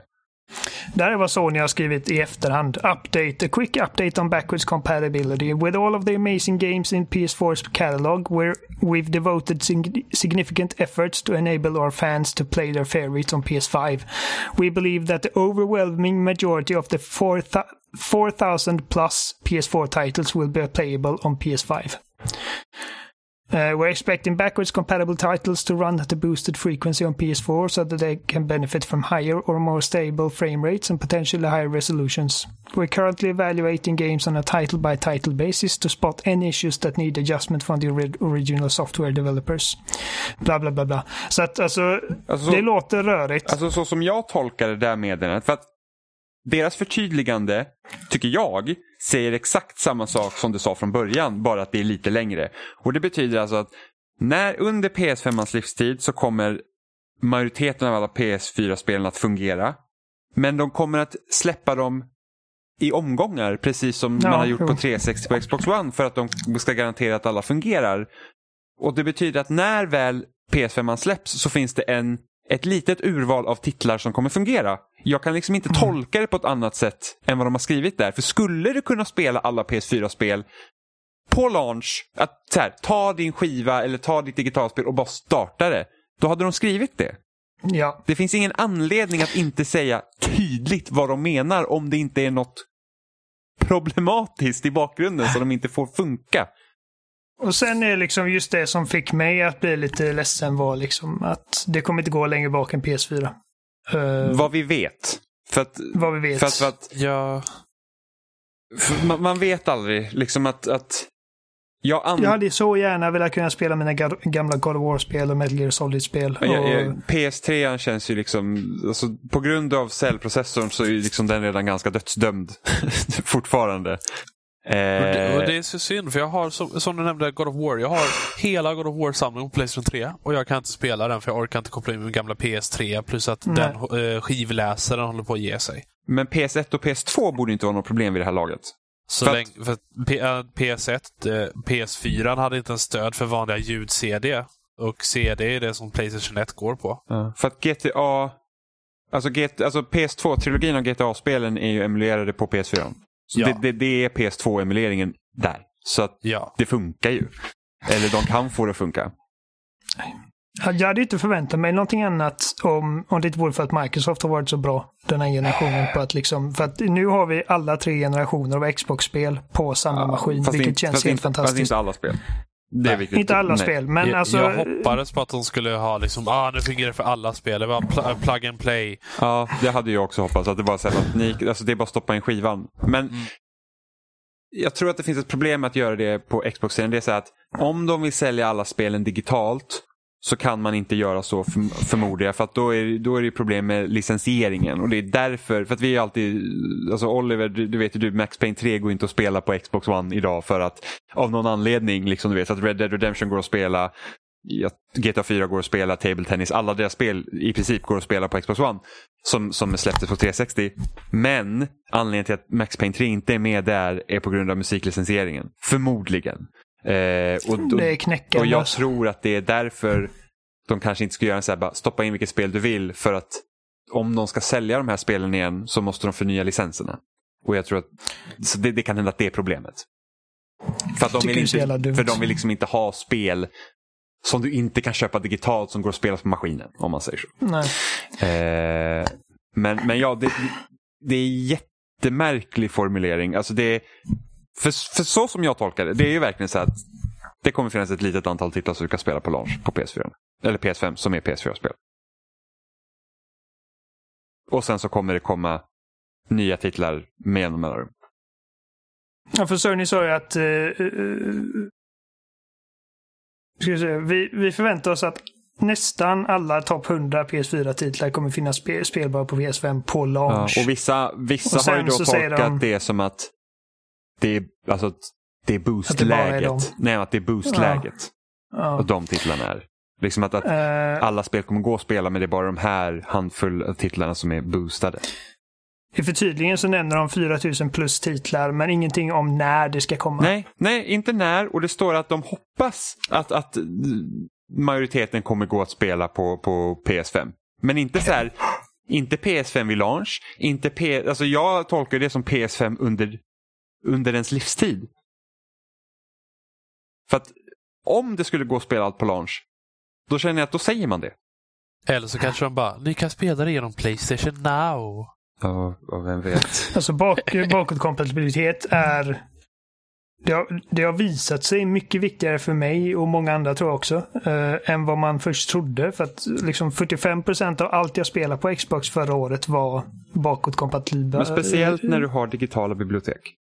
Precis. För att det känns liksom, du behöver inte gå och ta en annan skiva och sätta i liksom. Utan det, det kan du göra. Men, men liksom det är så att varför ska du släppa alla dina titlar som du har köpt till en maskin så är de fast på den maskinen och liksom sitter i den maskinen. Nintendo. Ja, men... Ja, så det var, det var lite nedslående. Men annars så, alltså det här med eh, hastigheten i SSD låter spännande. Eh, Han pratade mycket om ljud och eh, Ja, att de vill liksom jag- simulera 3D-ljud. Jag vet inte hur de ska lyckas med det. Det, Men... alltså, det- de kommer ha, de har i princip tagit vad de beskrev som en AMD-grafikkärna. Och eh, för att grafik, grafik, eh, grafikkort är gjorda för att kunna göra mängder, tusentals, tusentals små beräkningar hela tiden. Eh, olika slag. Och då är de ganska fixerade på det sättet. Och då har de en Tempest Engine, heter de. Som ska då kunna beräkna olika ljudkällor och olika kanaler, ungefär som Dolby Atmos. För det som eh, att Dolby Atmos gör, det är att de har positionsdata med olika ljud. Så att det är inte liksom bara fem kanaler, utan det är virtuellt sett hundra kanaler. Så man kan ha individuella ljud och sånt. Så det låter som att oh, någon är där uppe till vänster. Så här, liksom specifikt. Och det de gör nu är att de har en särskild... Eh, de avlastar eh, CPU, eh, CPUn som brukar hantera det och har eget chip dedikerat till att eh, sköta ljudet så att man kan få virtuellt 3D-ljud på i princip vilka hörlurar man vill eller eh, högtalare man vill. Sen kommer ju resultatet variera beroende på hur det är. Men det är till exempel att ja, det är regn. Man hör mer individuella droppar istället för den här väggen av du vet, insert regnljud Mm. och sånt. Eh, och Det kan vara ganska coolt, för Microsoft har inte berättat någonting om hur de vill göra ljudmässigt eller liknande. Och sen Sony pratar ju också hur det kommer vara med att uppgradera sitt utrymme för att den har en SSD på 825 gigabyte. Vilket inte ens är fem installationer av Red Dead Redemption eller något. Eh, Ja, jag tycker en terabyte i de här maskinerna är för lite. Ja. Och Microsoft kommer sälja en terabytes eh, proprietary egna eh, SSD-chip som man pluggar in i baksidan. En, och då är det, okej, två terabyte, vad gör jag nu? Ja. Kommer Jag säkert kosta skjortan. De kommer säkert vara svindyra men jag antar att de också kommer komma i större längre fram. ja, det hoppas jag. Det Eh, gjorde det på 360-tiden. Och sen så tror ju jag också att när externa S- eh, SSD-diskar blir billigare Mm. och vanligare så kommer man även kunna plugga in en sån. För du kommer fortfarande kunna spela Xbox One-spel. Allt som du kan spela på Xbox One kan du köra från HDD. Ja. Eh, men det som lär bli dyrast, det är ju PS5. För jag, jag gick igenom det lite med er för ett tag sedan. Om vi säger så här, de, de säger att om, okej, om ni ska byta till en, ex, en, en extern SSD, eller eh, plugga in en egen SSD, så måste den ha rätt spex och rätt storlek. Mm. Om vi tar de eh, SSD som finns, som är eh, PC Express generation 4 X4. De som finns nu, de är inte ens tillräckligt snabba. Men, och de ligger ändå på över 5000 kronor för 2 terabyte. Ja. Så, för, så hur, hur mycket det kommer kosta, låt oss säga i höst, när, om det kommer en eh, SSD med minst 5,5 gigabyte per sekund läs och skrivhastighet. Eller läshastighet. Då, då är det liksom, okej, hur mycket kommer den här kosta? Kommer den kosta mer än själva konsolen? Om jag ska ha 2 terabyte. Mm. För SSD, det som är nackdelen med SSD är att de är, riktigt dyra om de ska vara av hög kvalitet. Mm. Så både Microsofts och Sonys lösning kommer antagligen bli ganska riktigt dyra. För det, den största fördelen med mekanisk hårddisk är att per, gigabyte per krona är så mycket bättre. Jag kan köpa runt tusenlappen, 4 terabyte mekanisk hårddisk, plugga in i min Xbox One X. Mm. Och så har jag inga problem med utrymme längre och det är vad jag har gjort. Ja, jag har ju Medans- fyllt... Alltså min, min ex, jag har fyllt 5 terabyte på min Xbox One. Ja. Och nu är det liksom bara, åh, varför måste du ha så många spel installerade? Men jag är en sån som, eh, vissa som hoppar mycket mellan spel och vet att om en, jag vill spela Gears of War igen någon dag. Vi avinstallerar ju inte det för att det tar så lång tid att ladda ner spelen och de är typ 100 gig stora. Ja, ja, för det är så att är man sugen på att spela någonting vill man inte vänta typ två timmar. Nej. Och sen måste man ändå räkna med också att vi har bra internet här. Ja. För liksom, vi, vi kan liksom sitta på våra leverantörer som inte har datacaps om vi inte sitter på mobilt bredband. Eh, och så är det ju inte i stor del av världen. Liksom. Nej, alla är inte lyck lyckligt lottade som oss. Så det kommer vara en dyr och klurig nöt att knäcka. Eh, vi, vi får helt enkelt se hur överkomligt det kommer vara överhuvudtaget att by, eh, byta ut SSDn på där. Just, det är också extra komplicerat just för att Sony själva, de, deras egna SSD, de har gjort modifikationer med till exempel eh, prioriteringskanaler som jag nämnde. Eh, och sånt med vilken data som ska läsas och sånt det de måste de, de, vi, de måste testa alla SSDs och ge egna rekommendationer på vilka som funkar. Mm. Så vi kan inte ens gå ut och bara köpa vilken, som vi, vilken vi vill. Utan det, det måste vara något som fysiskt får plats för att vissa har heatsinks och kylare och sånt på sig. och eh, andra liksom är inte tillräckligt snabba eller tillräckligt hög kvalitet. Så det, det kommer inte vara lika enkelt att uppgradera alls eh, utrymmet på PS, eh, PS5. Nej. Så vi får se hur den kostnaden blir sen. Det, det är spännande. Kostnaden överlag, vad, vad tror du att konsolerna kommer kosta? För att, Eh, alltså, jag tror att många nästan... Jag vet att snacket är alltså att ingen ska kosta mer än 599 eller ingen ska kosta mer än 499, 499 är sweet spot, alltså dollar då. ja. Eh, men nu verkar de flesta tänka i alla fall att Xboxen kommer kosta minst 600 dollar.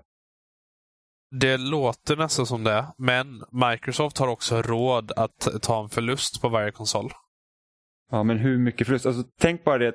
Säg att de, sänker, de tar en förlust på 50 dollar per maskin. Ja. På en miljon enheter då är det en förlust på 50 miljoner. Ja. Det, Det- det, det- är en svår fråga, men då, det beror ju på hur mycket de förväntar sig få in på prenumeration per enhet. Mm. För om man säger Xcloud, Ultimate Ja, och allting sant. sånt. Alltså guld, tänk guld och game pass, då får de ju ändå in de där 50 Ja. om så- det är ett år för sig. Ja, ja det beror på. Så- Det är sant. Ja, för jag tror de just nu sitter och verkligen crunchar på, okej, vi har 40 miljoner sålda Xbox One. Uh, jag har för mig det någon sån siffra. det, det är vad man 40-50. tror. Det man Ja, tror. Det, de går inte ut med går inte ut med de siffrorna. Nej, de, de sitter säkert och knåpar på, okej, hur många av de som har det betalar faktiskt våra tjänster? Liksom, vad kan vi för det? För de har råd att äta en förlust kanske de första två åren utan några större problem. Mm. Sony däremot, det är mycket svårare för dem. Uh, alltså det är intressant. Jag har ingen aning om vad jag ska förvänta mig. I Sverige är det säkert över 5 000 kronor för skatter hit och dit. Eh, så, allting är dyrare nu. Ehm, men dollarmässigt, ja. Jag, jag hoppas på inte högre än 450 dollar. Men det lär bli 499. Och Mm. Jag tror inte de kan gå mycket högre för de vill undvika Playstation eh, 3-event igen. Mm. Fast samtidigt så 600 dollar idag är ju inte lika mycket som det var då. Nej, men det låter inte bra. Det, precis. Och sen så tänker man Xbox One såldes ju jättedyrt. Och den, Tokfloppade. precis, men nu var det inte bara på grund av priset. det var ju Nej. allt med den. Men ändå. Så att, eh, Nej, Jag köpte ju min importerade Xbox One för 5500 spänn och jag bara, det här var inte helt värt det. jag importerade min också. Eh, och det blev väl typ 6000 spänn någonting också. Ja. För att jag ville spela Titanfall 1. Eh, för, för det är ändå någonting som jag tycker den här strategin med hur de visar konsolerna nu är ganska spännande för att de är så himla olika. För jag tänker det liksom att Microsoft, de visar upp konsolen, vi har sett kontrollen. De är mycket mera, har fokus på konsumenten. Medan Ja. Sony är helt inne på det tekniska. Alltså det, det som Mark Cerny pratar nu om i sin GDC-presentation, det var i princip samma saker som de gick ut med eh, förra årets eh, Wired-artikel som bara kom ut ja. Rätt så att liksom, jag undrar om inte Sony är så försiktiga för att de vet inte riktigt vad Microsoft kommer göra eftersom Microsoft har ju faktiskt pushat väldigt mycket på olika grejer i den här generationen sen de liksom har legat i underläge. Som hela den här grejen med crossplay har ju de egentligen Alltså man kan nästan säga att de har nästan tvingat Sony att säga att det är okej.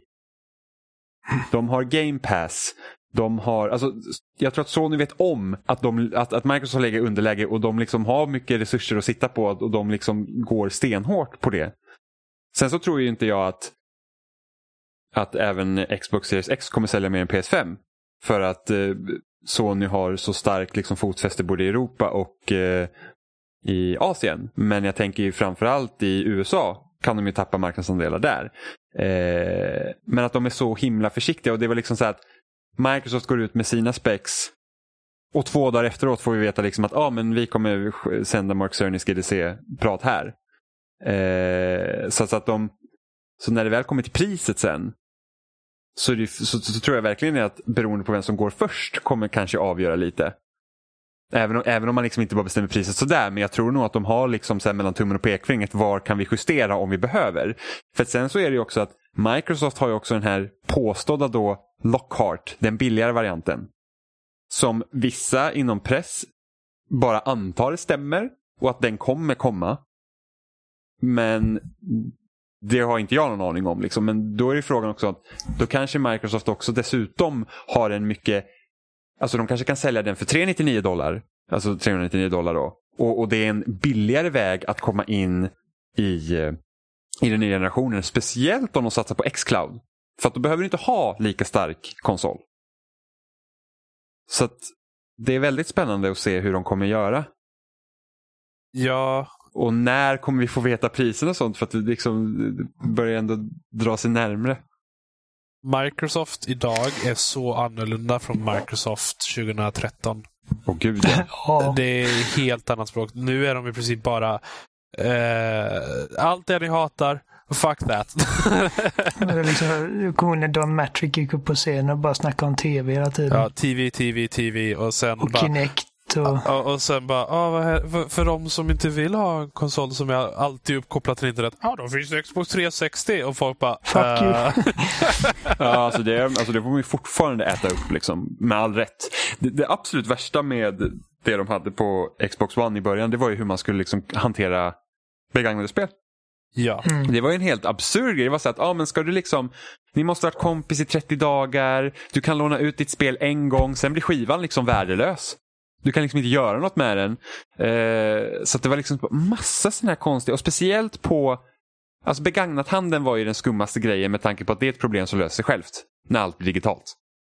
Ja, och eh, ja, GameStop försvinner ju liksom Ja. när som helst. Så, så att det är liksom så att varför behövde de, alltså varför kände de att de behövde påskynda den grejen?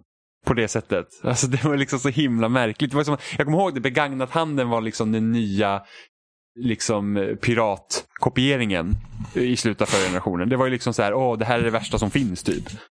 Men däremot, varken Sony eller Microsoft har än så länge pratat om DRM eller Always Online. Än så länge. De har inte nämnt det. Nej, men jag, jag tror inte det kommer bli en grej. Nej, tror att det är så att har du det på skiva då kan du spela offline. Äger du det digitalt så kan du väl spela det offline. Ska du använda Game Pass eller Xcloud då måste du koppla upp dig. Jag tror att det är den varianten eh, som vi kommer se. Jag hoppas det. Alltså, för någon som inte kan så mycket om de här grejerna så just de här tekniska specifikationerna säger mig verkligen väldigt lite. Och det är som grejer som Microsoft har visat liksom demos på, typ att du kan ha fyra spel som körs i bakgrunden och du kan byta fram och tillbaka.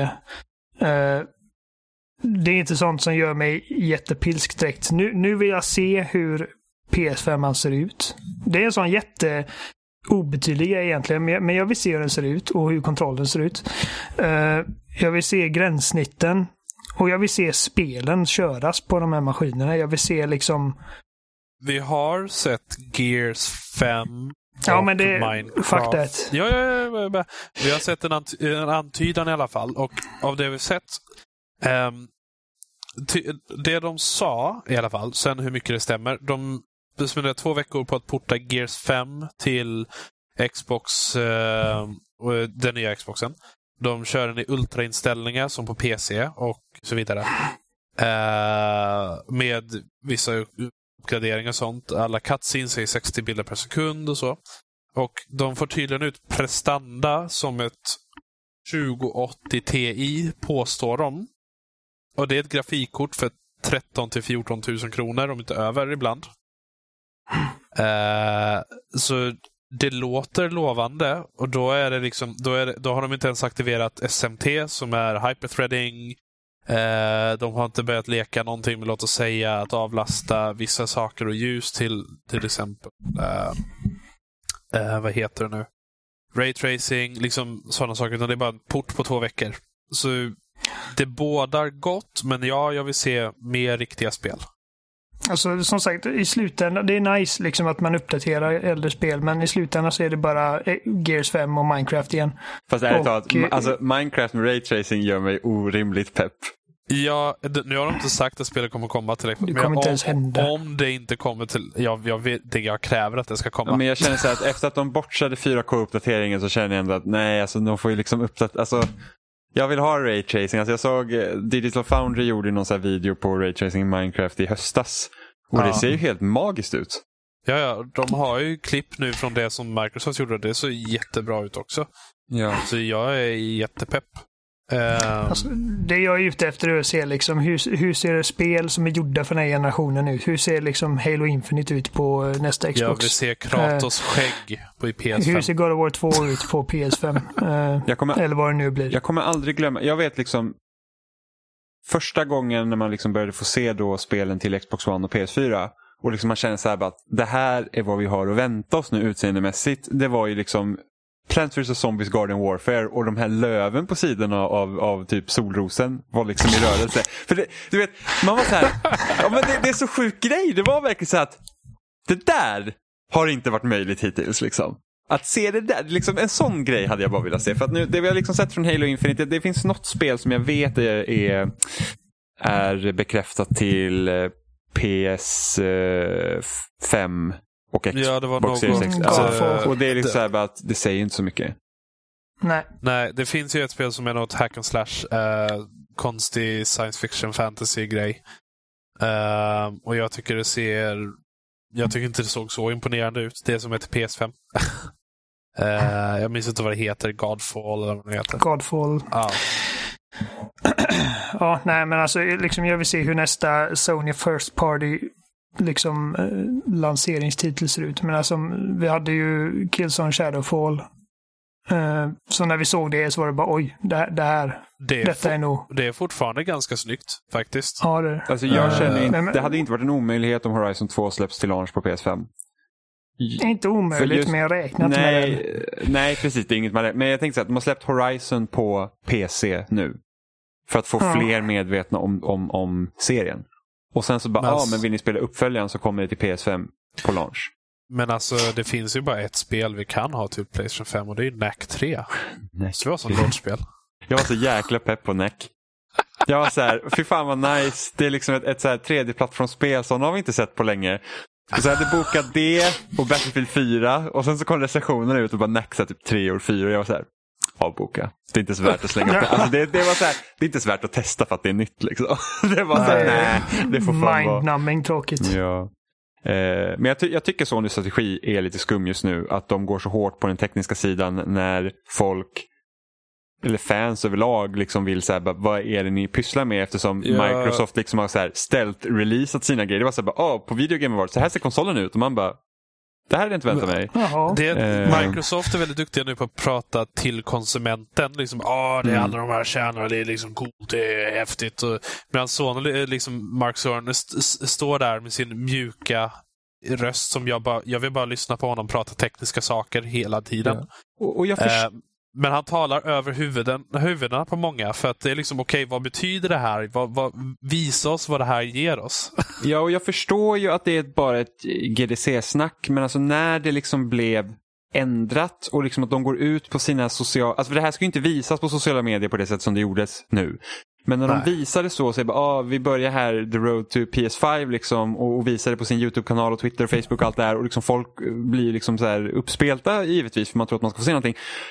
Om ni kan klippa in en fake-publik i presentationen, kunde ni inte ha visat några exempel också? Jag tänkte, jag, satt, jag kollade på recension på telefonen och så bara tänkte jag bara, de är fram, de har inte rört sig på ett bra jävla Ja, fast tag. de, de, fast de rörde sig emellanåt. De Men det var liksom så här, för jag var så här, jag såg jag bara, de där ser inklippta ut. Och sen så såg jag att de var, publiken är fake. Och Exakt. man bara, but, Cardboard. ja, och man bara så här, but why? Varför, varför? Alltså, så att, där hade man kunnat se när han liksom pratar om ljud och alla de här grejerna. Man kanske man kunnat, för att när de visade upp, vi har ju liksom sett videos på Spiderman när det, när det laddas i PS4 och då PS5. Ja. Bara, bara samma sak när Microsoft nu hade visat upp sin, sin liksom specs och sådär, så fick vi också se exempel och, och det var väldigt smart av dem att använda Digital Foundry. Som liksom att Ja. så här fungerar maskinen för att det kommer ut till rätt folk. De är bra på att liksom kunna förklara Tol- vad det innebär. Medans, och ingenting, jag kollade på här, liksom presentationen som Mark Cerny hade och jag tyckte liksom att det är fine att titta på men det hade också varit kul att se så här, okej men vad betyder det här i praktiken? Och när man gör det, alltså varför fanns det inte rum att skifta fokus så att man liksom kunde få några visuella exempel så att alla kan följa med när man valde att promota det på sättet som man gjorde? Jag, jag, alltså, jag vet inte ens vad så när jag håller på med spelmässigt. För att, okej, vi har ju eh, Ghost of Tsushima, som förresten ser riktigt bra ut. Eh, och eh, vad heter det nu? Eh, The Last of Us 2. De har, de har ju massa kvar att visa, men jag har ingen aning om vad som faktiskt kan komma. För att det känns som att alla andra liksom, följare ändå är några år bort till de spelen vi har haft. Mm. Sen så tycker jag väl att det är väl jag kan väl tycka att det här sättet de släpper information om nya konsolerna är lite tråkig. Ja. Jag har ju hellre ett event där man säger okej okay, det här är vad vi har tänkt istället för att här kommer lite det här och här kommer lite det här. Och... Ja, så, Sony de senaste två, år, två, tre åren har varit väldigt tråkiga när det gäller event att visa saker. Jag vet inte vad som hände för de har liksom gått från att vara ganska så här personlighetsdrivet i början av PS4 ja. till att liksom bli så totalt corporate igen. Ja. Det, det finns en risk att det blir Playstation 3 igen. Men det, om det blir som Playstation 3 betyder att vi kommer att ha ett jävla bra Playstation 6. Men det är frågan om de är så pass liksom oroliga för konkurrenten just nu att de är lite lamslagna på grund av det. Så bara, de vågar inte ta första steget, även om de egentligen gjorde det med Wired-artikeln. Men liksom det är så att, för att är Microsoft för opolitliga i hur de kör just nu? Det går liksom inte riktigt att räkna hur de kanske kommer göra eller något. Jag vet faktiskt inte. Jag, jag, var ju, jag var själv inte beredd alls på att Microsoft skulle vara så här öppna och framåt. Nej. Uh, alls. Det känns som en stor överraskning. Ja. När de, uh, när de visade själva lådan på var Game Awards. Mm. Jag bara, holy shit. Den är där. Ja, eller hur? jag, jag älskar den designen på den boxen faktiskt. Jag hatar jag, den för nej. att jag måste ha en ny tv-bänk. Alltså jag, jag vet inte, men den ska ju stå på tv-bänken. Den ska inte stå i en låda. Ja, men... Den ska ju stå upp. Jag, jag vet inte, men... jag, bara, jag är helt kär i den designen. Oh. Sen, sen, så kanske man får den så kanske man blir skitirriterad. Jag är ibland irriterad på switchen, måste stå bakom tv. Man får inte plats någonstans annars. Men eh, ja, vi får se. Men det, det, det, det, ska bli det ska bli spännande också att se vad Nintendo gör efter Switch. För att ja. nu kommer inte den kunna liksom hanka med och få portar av de spelen som kommer släppas framöver. Nej. Men jag hoppas Switch Pro-ryktena stämmer även om de inte kommer i år. Men sen är det också problemet om de gör en Switch Pro, för de gjorde även en New Nintendo 3DS var ju också en biffigare version av 3DS och den fick typ ah. fyra spel. Jo, det gäller ju att de faktiskt står vid sig. Ja, men det är så att men original-switchen får inte bli obsolit sen ju. Nej. Men, men ja, så det, det, det är knepigt det där. För att, ja, ja det, det är knepigt. Men jag tror det var allt vi hade för den här veckan. Ja. Lite, lite, lite demonslafs och fiskemys och nya konsoler. Och...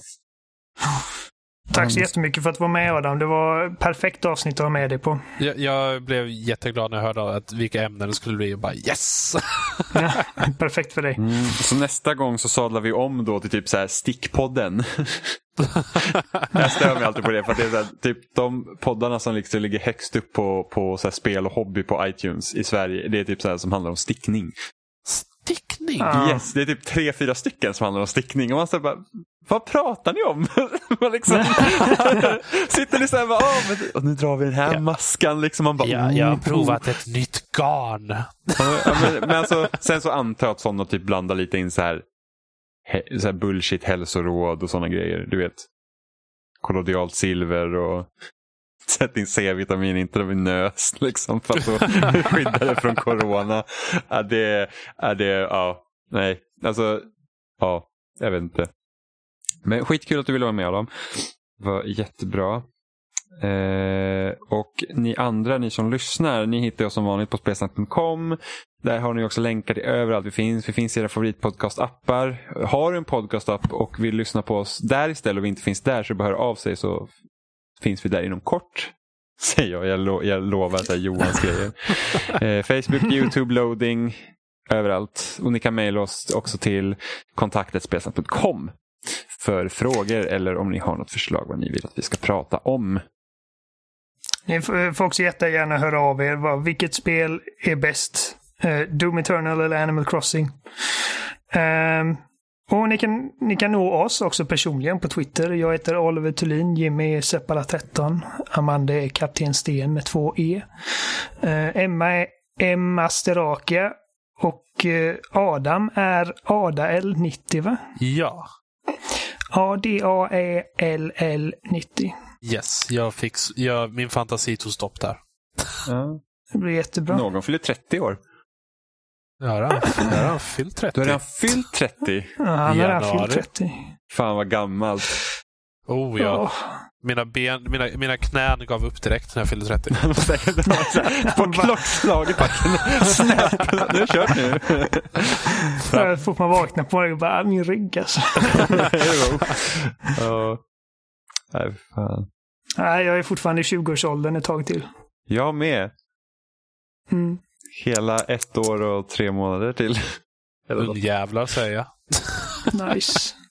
Får, får köpa en sån här t-shirt till dig Adam. Det står så här Old Man Yells at Cloud. Ja, det, det, det är så jag känner mig nu för tiden. Så fort det är någonting jag stör mig på Twitter så känner jag mig som det. Ja. Ja, Ja, men tack för den här veckan så hörs vi allihopa. yes. Absolut. Så hörs vi nästa vecka allihopa. Hej! Hej då. Det var precis vad jag sa. Det var precis vad jag sa. Det var precis vad jag sa.